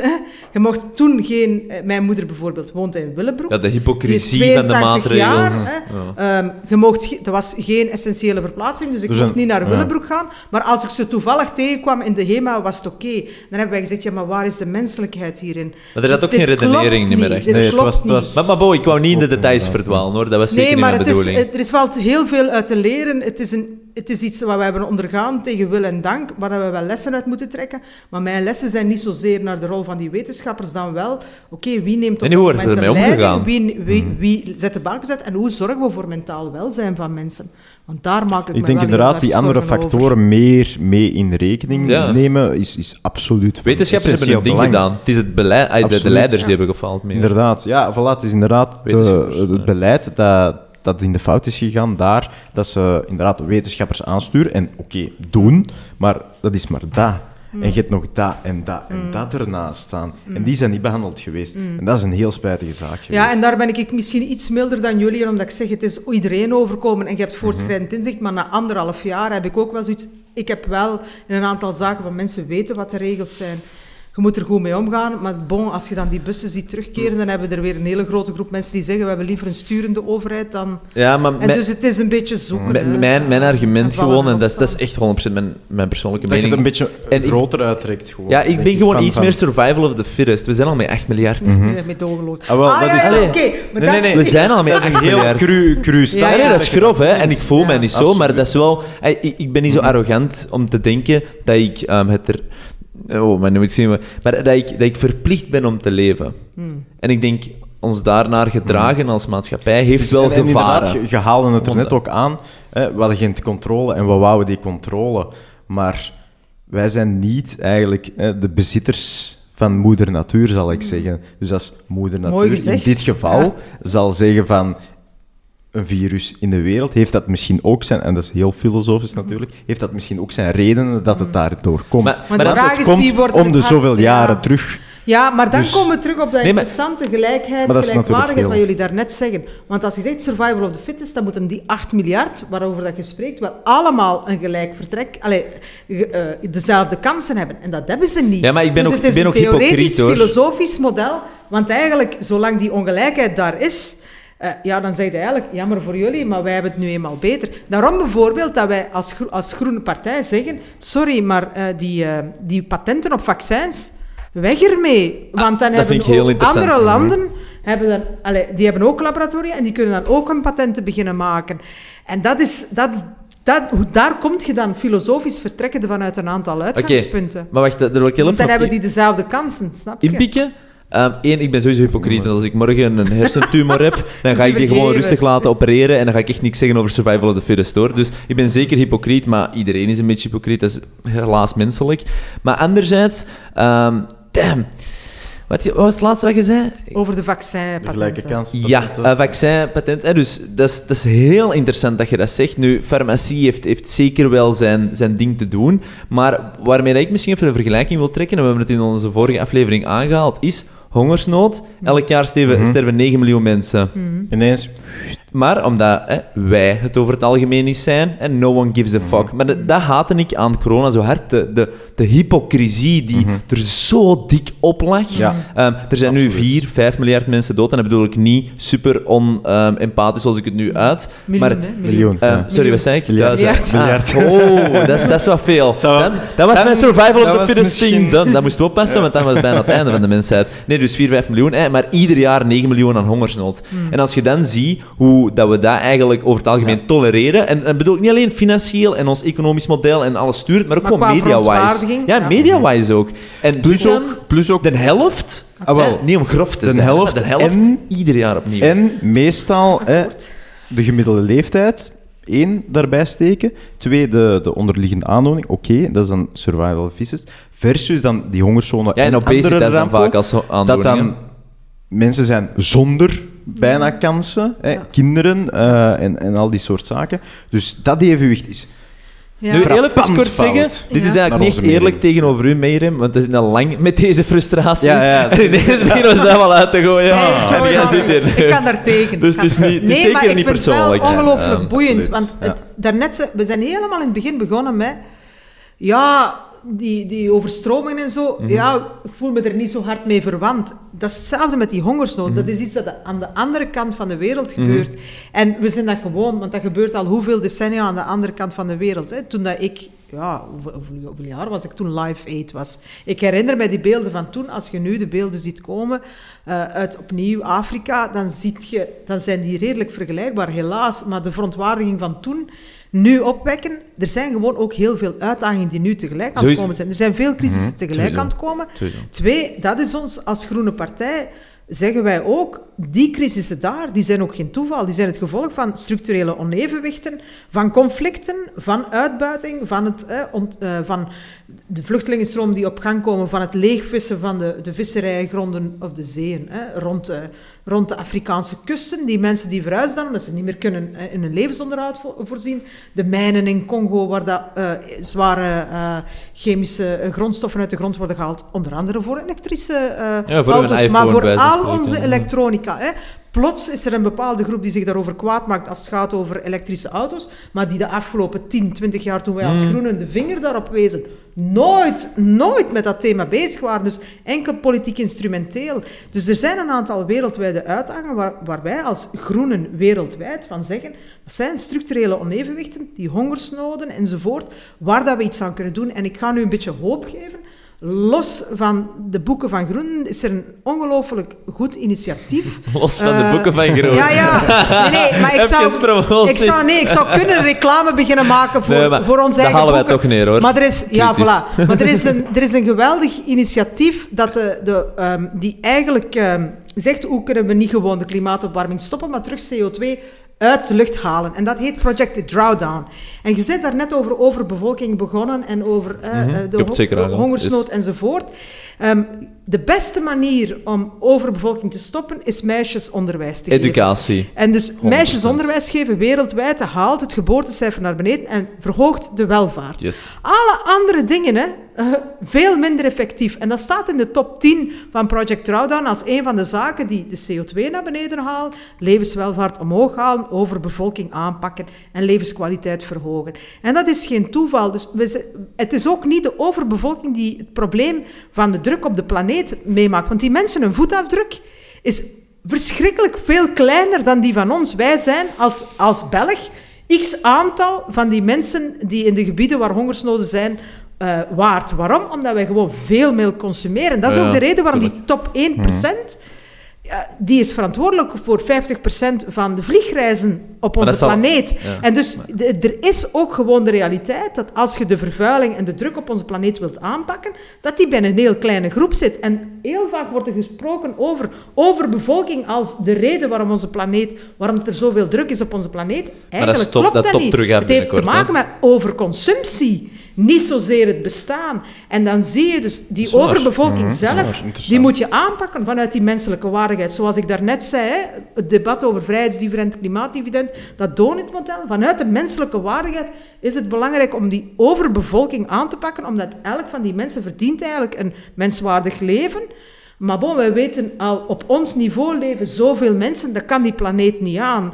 Maar de beste manier die vanzelf gebeurt, is als mensen naar een verstedelijke omgeving verhuizen, heb die veel minder kinderen op een plattelandsomgeving, heb die meer kinderen, want dat is een stuk een pensioen. En je ziet dus verschillende dingen samenkomen die eigenlijk te maken hebben met het gebrek aan kansen en het feit dat men geen, geen toegang heeft tot anticonceptie, geen toegang heeft tot onderwijs, dus ook niet weet wat, uh, hoe, ze zich, uh, hoe ze hun levensonderhoud kunnen voorzien, zichzelf kunnen beschermen enzovoort. Dus het lijkt zo eenvoudig, pak de overbevolking aan, maar het antwoord hoe dan en waarom en is dat het antwoord op de grote druk op onze planeet? Dan zeg ik, ja, dan moeten we eerder de overconsumptie aanpakken, die zich concentreert bij een bepaalde groep, die niet die groep is. Maar dat is een persoonlijkheidsverandering wat je nu vraagt. Hè? Maar het zal een combinatie zijn van structurele veranderingen met ook persoonlijke inspanningen. En daar ben ik ook niet, op, niet, niet negatief over. Kijk naar waarom dat mensen hun eetgedrag hebben veranderd. Je kunt zeggen, vlees heeft een, gigantische, ja, heeft een gigantische impact op de planeet. Dat is absoluut waar. Ik ben al sinds mijn 16 jaar vegetariër vanuit dierenwelzijn. Maar veel mensen passen hun dieet aan, niet omdat ze op dieet willen gaan, maar vanuit hun gezondheid. Zeggen, mhm. oké, ik eet nog wel vlees, maar een beter stukje vlees, kwalitatiever, maar minder. En die dat uit gezondheidsoverweging doen, en dat is ook goed voor de planeet. En zo zie je heel veel mensen keuzes maken voor hun individuele gedrag en hun individueel leven, waar dat je structureel ook de planeet mee helpt. En dat is denk ik de oplossing, dat die kwalitatieve benadering. Maar dat neemt niet weg dat dat op zich nooit voldoende zal zijn. Die structurele verandering, dat is wel het grootste deel van het antwoord, los van individueel gedrag. Wat kun je daarop zeggen, hè? Ik vond dat Steven uitleg. Ja. nee, ja, maar, maar, alles wat je zegt... Weet je, maar Sorry. Sommige dingen akkoord, sommige niet natuurlijk. Uh, maar over het algemeen, hè, dat donutmedal, gelijk dat ik daar zit, zei, daar ben ik precies wel fan van. Ik heb er nog niet van gehoord. Um, maar je zegt fan... Nee. Zeg maar. Fan van. Kate Rauwert is ook... Uh, fan van? Nee. Oké, okay, dan Reed zelfs maar. Ja, ik kom uh, op. Ja, je zijn hier dingen. Welke mop? Een mop, ja. Een mop, ja. Ik kan totaal niet volgen. Dus, en ik ook eigenlijk niet. Dus hou het dan maar voor service. Het van die halve zinnen die verraden dat jullie er inderdaad al lang vrienden zijn. Ja, voilà. Dus, maar, ja, dat maakt het, het is discours met de boys, hè. Dat is, dat is, verplicht, vrienden. ja, het nadeel is... Dus jij bent sturend en jij helemaal niet. op een bepaald moment zijn ze zo lang bevriend... Wat betekent dat, dat, je afhankelijk zijn geworden van elkaar. Ik denk dat dat een beetje een nadeel is. Maar misschien is dat, kunnen, we, kunnen we dan even zo reflecteren op groep, wat ik nu net zei. Van, we zijn zo lang bevriend dat we afhankelijk zijn van elkaar. Kun je er iets mee doen? Nee. Moeilijk, ja. Um, ja. Natuurlijk einde. Nee, nee, nee, maar er zijn nog keihard dingen die we kunnen aanhalen. Ja, ehm, absoluut. maar we hadden in het begin... Heb jij nog, heb jij nog tijd? Ik heb tijd, ja. In het begin hadden we even... En ik, had, ik had even die, die vraag eh, neergehaald, maar dat was omdat ik het iets minder voelde. Um, maar was eigenlijk globalisme versus nationalisme? Ik, ik heb die vraag niet beantwoord. Mm -hmm. Wilt jij ze introduceren? Doe maar, doe maar. Maar dus ik denk, um, super boeiende vraag. We hebben die uiteraard met Tom van Grieken aangehaald, want ja, ik denk dat je standpunt vrij duidelijk is. En ik heb je al een paar keer op een bepaalde manier horen verwijzen naar globalisme. En ook tijdens onze kennismaking heb je ook al gezegd, eh, hoe zeg ik het? Zeg het eens heel kort, ik, ik voel mij een Amerikaan, of wat was het? Uh, voel me geen Amerikaan? Nee, nee, ik, voel, ik voel mij... Heel kort, hè? Uh, ik, ik, ik ben niet mee naar wat verwijzen. Ik heb ah, niet naar Amerika verwezen. Ja, nee, maar je zei van uw, uw stijl... Nee, nee. Uh, wij zijn als partij... Kijken wij voorbij de grenzen van, van een land. Dan heb ik het gemist. Nee, dus ah, uh, oh, mijn, mijn, mijn probleem... Anyway, um, geen probleem. Uh, nee, dus, dus, dus inderdaad, eh, ik denk... Ik denk Globalisme, nationalisme. Yes, yes. Er zijn altijd uh, argumenten voor eigenlijk te gaan kijken. Ja, we moeten eigenlijk alles zeg maar, in zekere, eh, praktisch kleinere... Um, delen gaan opsplitsen. Hè? Gewoon van het praktisch standpunt. Langs de andere kant zijn we vandaag in een, in een soort van cultuur en tijd waarin dat we meer en meer hè, één wereld worden. Nu zijn we daar. Ik denk dat niemand op die vraag ja kan antwoorden. Dat is onmogelijk. Mhm. Uh, maar je merkt wel dat we stilaan meer en meer in contact met elkaar komen. Al is het maar mhm. door het internet. Het hoeft echt niet fysiek te zijn door vliegtuigen, maar gewoon we komen meer en meer in contact met elkaar. En misschien gewoon een iets of een algemenere vraag, maar hoe, hoe ziet je die verstandhouding tussen nationalisme en noem het dan hè, heel cliché dan naar Griek, maar ons volk. Hè. Dus mm. ik, wij zijn anti-landgrenzen, maar praktisch gezien gaat altijd wel een lokale afdeling hebben, versus globalisme. Hoe ziet je dat, dat evolueren? Ja, wij zijn, wij zijn als Groenen heel erg ge, geworteld in de anders globaliseringsbeweging. En wat wil dat zeggen? Globalisme, de, iedereen, survival of the fittest, zonder regels, zonder kader, daar geloven wij niet in. En dat, zie je vandaag ook. Dat zie je vandaag ook. Allee, als zelfs op, eh, in Davos, een aantal jaren geleden, het debat over de nadelen van globalisering, zelfs daar de top haalt op dat men zegt van oei oei, allee, uh, we zien zo een surge van populisme, we zien zo het populisme stijgen, we zien gevaarlijk extremisme stijgen. We maken ons zorgen over de stabiliteit van de wereldorde, om het dan met zo'n zwaar woord eens even te zeggen. Dat het een topic wordt op economische hoogmis in Davos. Hè. Ehm, dat zegt wel wat. Hè. Dat, dat zegt dat dat ongebreidelde uh, neoliberalistische idee, alles kan, alles mag ten koste van alles en iedereen dat dat wel zijn grens heeft bereikt, dat die ongelijkheid zoveel neveneffecten met zich meebrengt, dat, dat het hele systeem onder spanning staat. En dus dat die onrechtvaardigheid zo gigantisch gestegen is. En de anders globalistische beweging die zegt, we hebben een ander kader nodig dan het neoliberalisme. Wat blieft? Is onrechtvaardigheid gestegen? onrechtvaardigheid wereldwijd de afgelopen jaren is gestegen. Hè. Wij hebben in België Versus de sociale zekerheid... Of 1900? Nee, nee, nee. ik zeg de afgelopen decennia. Ah, eh, de afgelopen decennia. De, de, vraag is welk vergelijkingspunt je natuurlijk neemt, maar ik mag hopen dat we niet teruggaan naar het soort... Allez, nee, nee, nee, 100 procent niet. Maar je zit wel, en dat zijn de onderzoeken van Piketty, uh, Wilkinson en Pickett enzovoort. Er zijn, op dit moment is de ongelijkheid wereldwijd zo groot dat er ook echt wel zware neveneffecten zijn, ook voor de mensen die, en dat gaat dan echt over, over zaken als obesitas, mentaal welzijn dat onder druk staat enzovoort. Je ziet heel veel van dat soort uh, problematieken. En dat heeft te maken met de gestegen ongelijkheid. Dat, is, dat staat heel schoon in, in, uh, in die onderzoeken. Maar, um, maar nu even met een draad kwijt. Ja, wij zijn een, een internationaal denkende politieke stroming die zegt van ja, je kunt niet als land of als volk alleen uitdagingen die voorbij de grenzen van dat volk of van dat land gaan, te baas. En de klimaatuitdaging CO2 stopt niet aan de landsgrenzen. Dus we moeten daarvoor samenwerken en we moeten daarvoor internationaal en op lange termijn denken. En een van de zaken die, die die door en door groen zijn, is het voorzorgsprincipe. Als je een beslissing neemt of je wilt iets, iets uh, installeren, welk effect gaat dat hebben op de komende generaties? Wat zijn de potentiële schadelijke neveneffecten? Om dat mee te nemen in het debat van vandaag. En dat idee dat wint meer en meer aan, uh, aan aanhang. En op een positieve manier. Bijvoorbeeld in Wales heb je nu een soort staatssecretaris voor de toekomstige generaties. In Japan heb je in steden zoals Kyoto echt mensen die zich verkleden om de toekomstige generatie te vertegenwoordigen in politieke uh, debatten of in politieke beslissingen. Je hebt in uh, Finland een commissie uh, die zich bezighoudt met de impact van beslissingen op toekomstige generaties. Die bestaat uit 17 parlementsleden.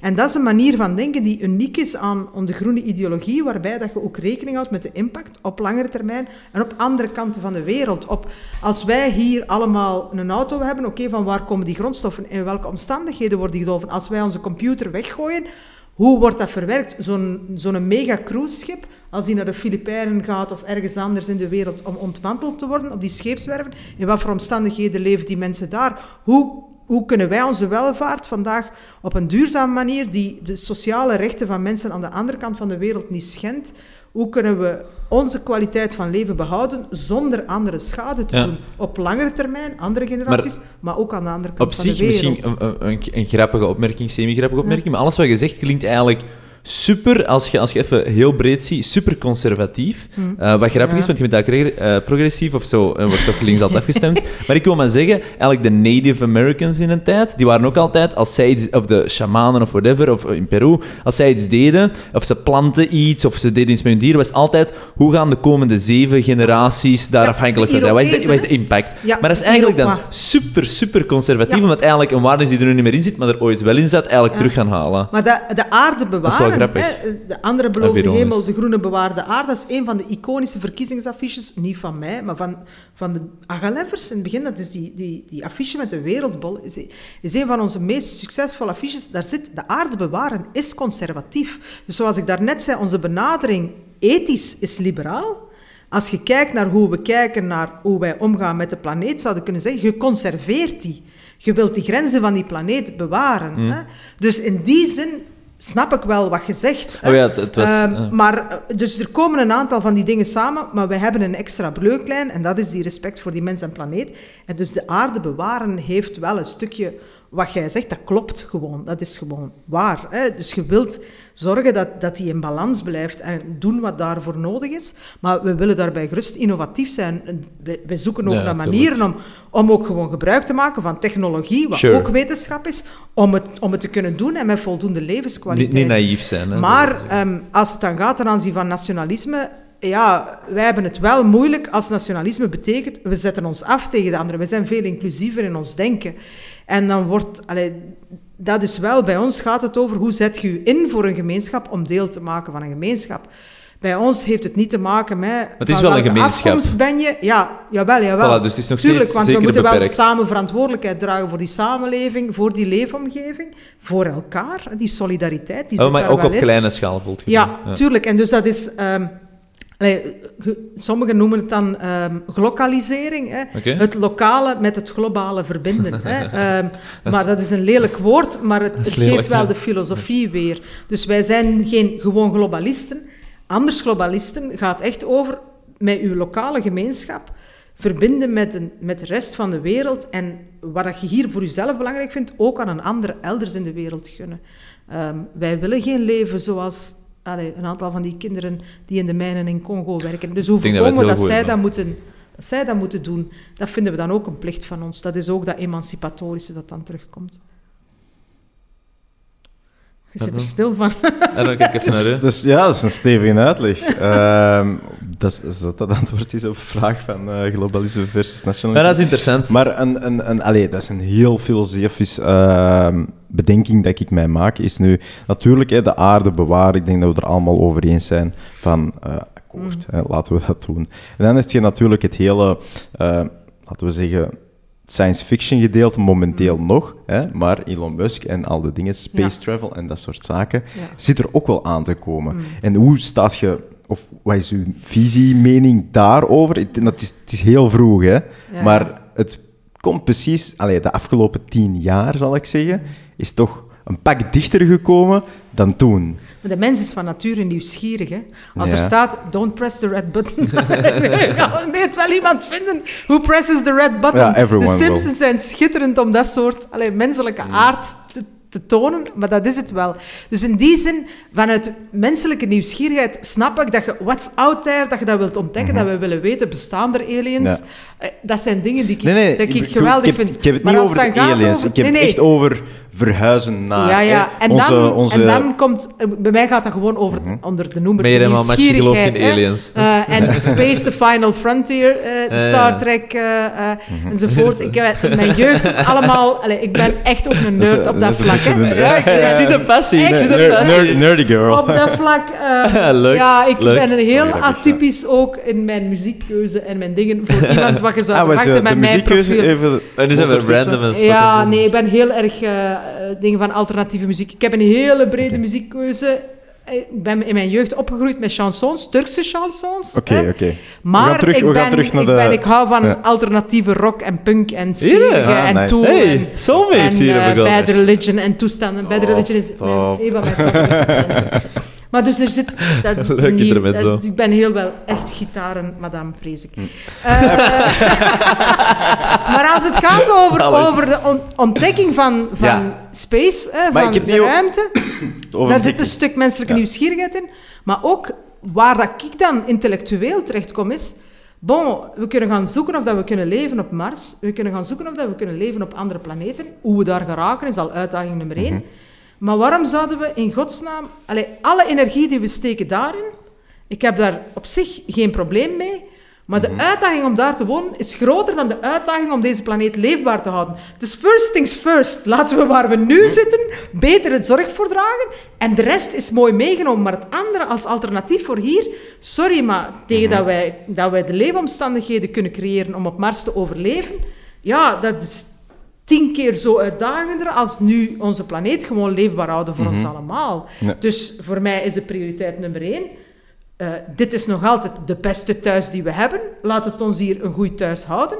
En dat we daarna nog gaan exploreren, ja, dat zit een stuk in de menselijke aard. Mhm, hè. Mhm. Um, als je het misschien op zoveel duizenden jaren bekijkt, kan het goed zijn dat hè, de aarde gewoon effectief aan zich een irrelevantie zal worden. Dat kan, hè.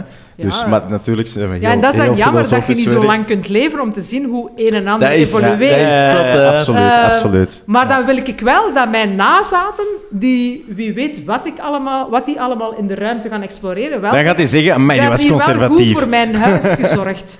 Dat wil ik dan wel. En dan dat, zo, hè? Dat die zeggen, dat waren goede voorouders. Zo, Meren was globalistisch, die was niet helalistisch, universalistisch. Ja, ja, maar dat, Hoe dat, conservatief. Dat ja. Ik ben 100% halal, denk ik. Als... ja, maar halal, helalistisch. Ah, ik had het anders verstaan. Ah, wel. Ik had het ah, anders verstaan en jij het helalistisch. Oké. Dat is een heel slechte mop. Sorry hoor. Maar uh, daar ben ik ook wel in slecht om op. Die ga ik wel onthouden.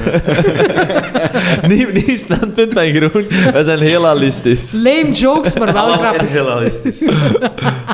dus, uh, als ik zo bij je stijl hoor, nu iets helemaal anders, iets random. Maar uh, bent je fan van Rick and Morty dan zo? Ja, maar ik... Maar dat klinkt ja, wel wat... Ja, maar die, zo fantastisch vind ik dat nu ook niet. Maar je kijkt het wel? Ik heb het wel af en toe. ja, je ziet dat nu nog altijd op Cartoon Network. Hè? Ja, maar... Dus, Mijn Cartoon Network, daar uh, ja. de fan van. Mijn kinderen zitten daar... maar ik ben op... ik kijk ik kijk mijn kinderen... Ja, één, ik heb niet zoveel tijd om tv te kijken, maar mijn kinderen kijken daarnaar. Ja, en ik ben opgegroeid met Theo en Thea. En, is dat, is dat ome Willem, absurder relevant? dan dat, wiert het echt. Nee, alleen... Zijn nog steeds relevant, die kanalen? Want... want ja... Allee, Nee. Ik heb zelfs geen... Allee, jij ook niet. TV-aansluiting hebben wij beiden niet thuis, omdat je puur hier en daar misschien via een abonnementje op een Netflix op, of een streams of zo iets kijkt. Um, maar zo'n tv en zo, is dat ja, echt nog, voor mij wel natuurlijk, want ik moet het journaal zien en een en ander volgen. Ja, maar dat, zelfs dat kun je ook online, hè? Ja, dat is waar, maar ik ben wat dat betreft dan gewoon of lui of gewoon conservatief. Ik heb nog altijd een tv en ik kijk nog altijd naar het journaal om zeven uur, want om zeven uur is het journaal. Alleen, dat is echt... is niet zo... Ik kan nu... Dat is, dat Mijn kinderen die hebben dat helemaal niet meer, dus dat is echt wel een, een generational thing. Die hebben dat helemaal niet, maar bij mij is dat wel... Dat brengt zo wat structuur in mijn dag. Ah, het is zeven uur, nu het journaal. Structuur is wel belachelijk belangrijk voor mensen. Je merkt dat wel. En nu iets heel anders. Ja, maar dat is een beetje structuur versus free spirit. Hè. ja. we, zijn, uh, we zijn misschien een beetje random aan het worden, maar voor mij... Ik kijk even naar u. Heb jij nog een, eh, een prangende vraag? Een prangende vraag? Denk ik niet. Ik denk dat we eigenlijk alles ja, echt wel. Behandeld. Ah, ik bedoel, hebben we alle diepgangen, et cetera, dat is altijd natuurlijk de vraag. Maar het was mhm. sowieso een leerrijk en aangenaam gesprek. Maar we hebben al een uitnodiging gehad om terug te komen. Dus ja, je moet altijd terugkomen. Ik kan nog op café gaan. Ik heb nood om nu uh, even iets... Ja, dat is een boek. Je krijgt hem mee. Ah, ja, voilà, we ah, krijgen hier... Er staat een playlist voor de, van voor de, voor de luisteraars en de kijkers. Hier staat punk in de titel. Ja. Dat is dat wel heel... Er staat een playlist in van achter, van muziek. Dat zo'n staalkaart is van de muziek waar ik ofwel mee ben opgegroeid ofwel van hout en die kun je op Spotify downloaden. Ah, dus dan kun je de nummers ah, terugvinden waar ik... Uh... Van 2017 geschreven, Lees dus jij dat boek? Ik playlist luisteren. nee, maar uh, aan de luisteraars... Ik zei, lees jij de boek? Ik ben een ik zal de playlist luisteren. ik ben een luisteraar. Uh, maar aan de luisteraars, we gaan hem eerst zelf eens lezen en we gaan hem uh, dan gaan we bepalen tekenen door u. Dan gaan we hem zelf tekenen en dan gaan we hem weggeven op de podcast. Ah, het is een biografisch boek? Ja, het is, het is eigenlijk een beetje mijn politieke engagement, maar dan ook met heel veel verhalen hoe dat ik ertoe gekomen ben om lid van Groen te worden, vanuit mijn eigen levensverhaal eigenlijk. Want ik kom uit een migrantengezin waar dat, waar dat respect voor uw leefomgeving, omdat die in harde omstandigheden ook opgegroeid zijn, mijn ouders, allebei, daar eigenlijk van jongs af in zat. En dus de waarden die ik heb meegekregen van thuis sluiten heel dicht aan met de waarden van die Groene Partij. En is, veel mensen verwachten dat niet, maar voor mij was dat heel logisch. Hm. Even een heel korte vraag. Ik heb er nog, nog eens. Maar... Doe maar, ik heb al okay. meer gevraagd. Um, ik had nog één vraag, ik mocht ze kort beantwoorden. Ja. Um, maar wat was voor u de klik, de voornaamste reden dat je in de politiek bent gestapt? De voornaamste reden was omdat ik um, op mijn 16, 17 jaar echt wel bezig was met klimaatverandering. Uh, met, uh, met lid was geworden van Greenpeace en zo. En er was maar één partij waar ik van vond dat die er eigenlijk echt mee bezig waren. En dat was ook een partij die rond het verhaal van gelijke kansen, mhm. feminisme enzovoort ook heel hard aansloot. En vandaar groen geworden. Oké. Hij is toch uitgevallen, hè, dus. Uh, ja, voilà. ik had, ja, maar we doen altijd... We zijn een maar podcast. eigenlijk is dat, ben ik daar een beetje ingerold. Ik was actief in een jeugdhuis. En ze wisten dat ik eigenlijk best wel groen was, in de zin van lid van Greenpeace en, en, de lokale afdelingen. Mm. Uh, Chernobyl was ontploft in 86. Ik mm. heb dat moeten uitleggen aan mijn ouders dat ze de groenten uit de non-off niet mochten eten. En daar is eigenlijk een beetje mijn, mijn klimaat-awareness begonnen. Want voor mijn ouders, ja, dat was geen optie. Hè. Dus een van de anekdotes in het boek is dat er nadat Chernobyl ontploft was, zei Armand Pien, en wij vertaalden dat dan, na een paar dagen, ja, je mocht de groenten in uw tuin niet meer eten. Mm Dat was toen algemeen, via het weerbericht, Armand Pien die zei, je mocht, uh, je mocht je, je groen, en zeker de groene groenten niet eten. En ik vertelde dat met mijn ouders, hoe kan dat nu? Dat is zoveel kilometer verder, dat kan helemaal niet. Want dat is onzichtbaar en je weet er niet van. Dus wij hebben vrolijk de groenten uit onze hof blijven verder eten. Maar in, vanuit onze tuin zag je altijd de torens van Doel. Want ik woonde op het Kalf in Sint-Gilles-Waas. Mm. En dus dat is een hele open gebied. Dus je zag altijd, voor mij waren dat de wolkenmakers. Tot die dag wist ik eigenlijk niet wat dat de was. Wolkenfabriek, de en plots wordt op tv uitgelegd dat dat een nucleaire centrale is. en, dus, en dan er een ontploft is in Tsjernobyl door een menselijke fout. En dat je daardoor je groenten niet meer moet eten. Dus ik zeg dat tegen mijn ouders. En die zeggen, ja, dat, allee, meer. Maar wij dronken ook thee. Hoe oud, thee, hoe oud was je toen? Ik was toen uh, 10, 11 jaar of zo. Uh, en die thee die komt uit het uh, Middellandse zeegebied, Turkije, aan de overkant van de Zwarte Zee, aan de overkant van Tsjernobyl. Dus wij dronken zwarte Turkse thee, die, die veel dichter hè, in het, het, gebied waar het, uh, radioactiviteit rondging.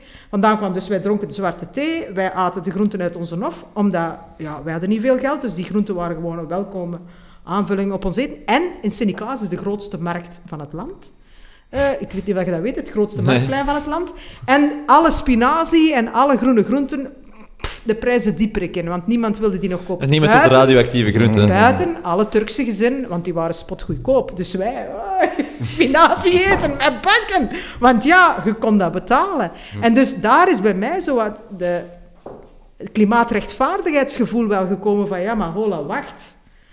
ja, wij hebben geen andere keus, want wij hebben eigenlijk het geld niet. En het idee van de meest kwetsbaren zijn de eerste slachtoffers van klimaatverandering of van klimaatrampen, is daar wel gegroeid. Want ik moest aan mijn ouders zeggen, eet dat niet. En mijn ouders zeggen, ja, sorry, dat is geen optie. We eten dat wel. En we kopen dan nog eens de dingen waar Armand Pien op tv van zei, vooral niet doen. En alle Vlamingen niet meer wilden. En wij aten die, want dat was betaalbaar. En dat, is, dat lijkt grappig, maar op dat moment als kind was dat bij mij van, ja, ik zit hier dingen te vertalen. Ik krijg daar schrik van. Ik weet er niks van. Hm. Dat staat daar van achter in onze nof iets gelijkaardig. Je kunt dat niet plaatsen. Ook alle, voor een groot stuk irrationeel. Mhm. Maar daar is wel de awareness gekomen van... Oh, maar wacht, hoe, zit, hoe kan dat dat iets dat duizend kilometer verder staat zo'n impact heeft op ons leven? Eh, wat gebeurt er daarmee? Wat, wat, wat, laten wij achter aan de volgende generaties? En daar heeft, dat is eigenlijk waar dat mijn klimaatbewustzijn is. Dat, is dat, misschien even heel kort, maar is dat een knipoog? Bent jij tegen kernenergie? Ik ben tegen En dat is dan een knipoog? Oké. ja, nee, maar het is, het is daar dat, dat, dat wat begonnen is. En op mijn 15, 16 jaar ben ik dan lid geworden van Greenpeace. We hadden toen zo van die kaften op school, van die pennenzakken. Liever een gat in mijn uh, kaft dan een kaft in mijn Puntje, puntje, puntje. Dat waren toen zo de merchandise van Greenpeace. De humor van de boomers. Ja, ja. Fucking hell.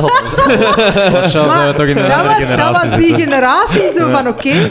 En toen dat ik begon in de politiek in 2007 heb ik zo een moederboekje geschreven, want ik was toen zwanger van mijn oudste zoon, met vijf verhalen. En ik heb toen geschreven in u, tussen uw geboorte en uw volwassenheid moet het gebeuren. Hier, dat is de periode waarin dat we die klimaatverandering moeten aanpakken.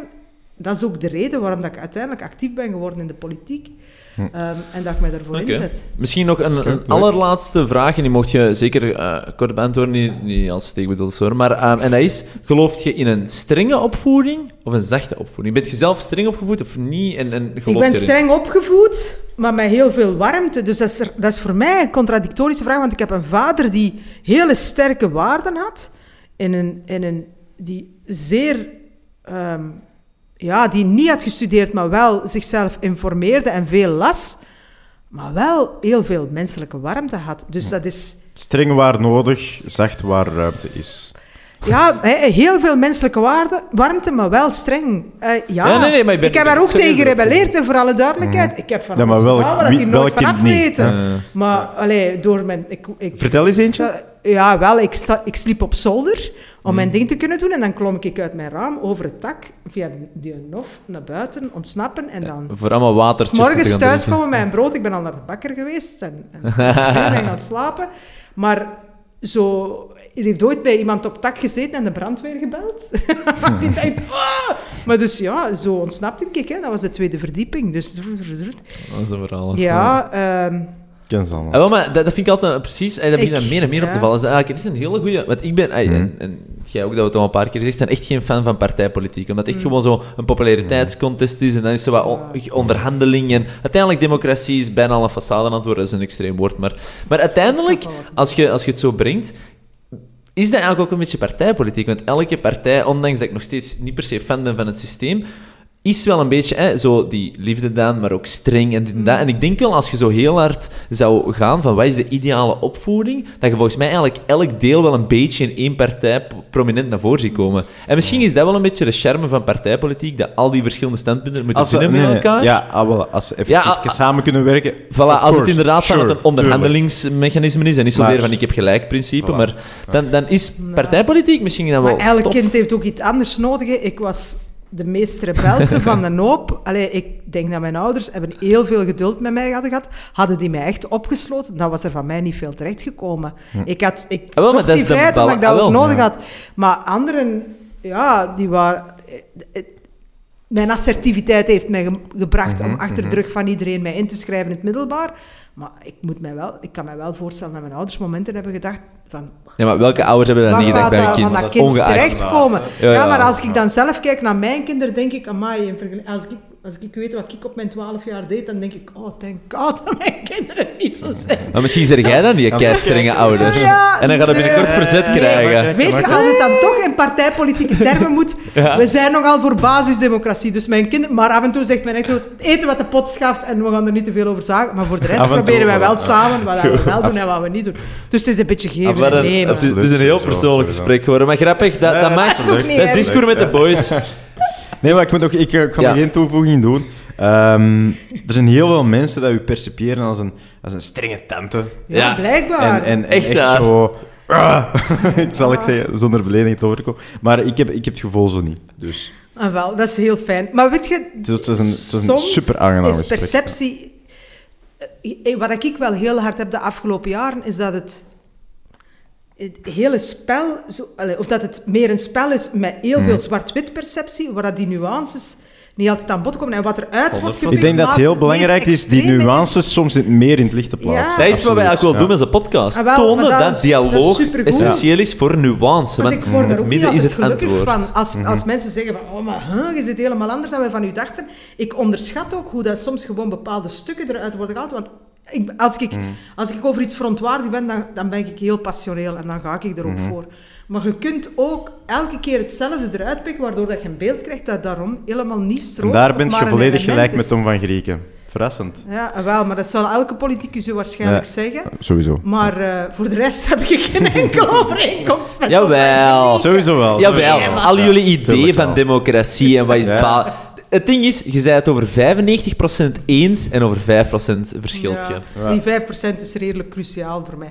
Maar dat is omdat politiek gaat over details. En dan wordt het belangrijk. maar voor mij is politiek ook wel, en dat, dat is wel existentieel voor mij, want wat ik in mijn leven ook heb meegemaakt, de een, ik heb niet alleen maar obstakels gehad um, omwille van structuren of zo.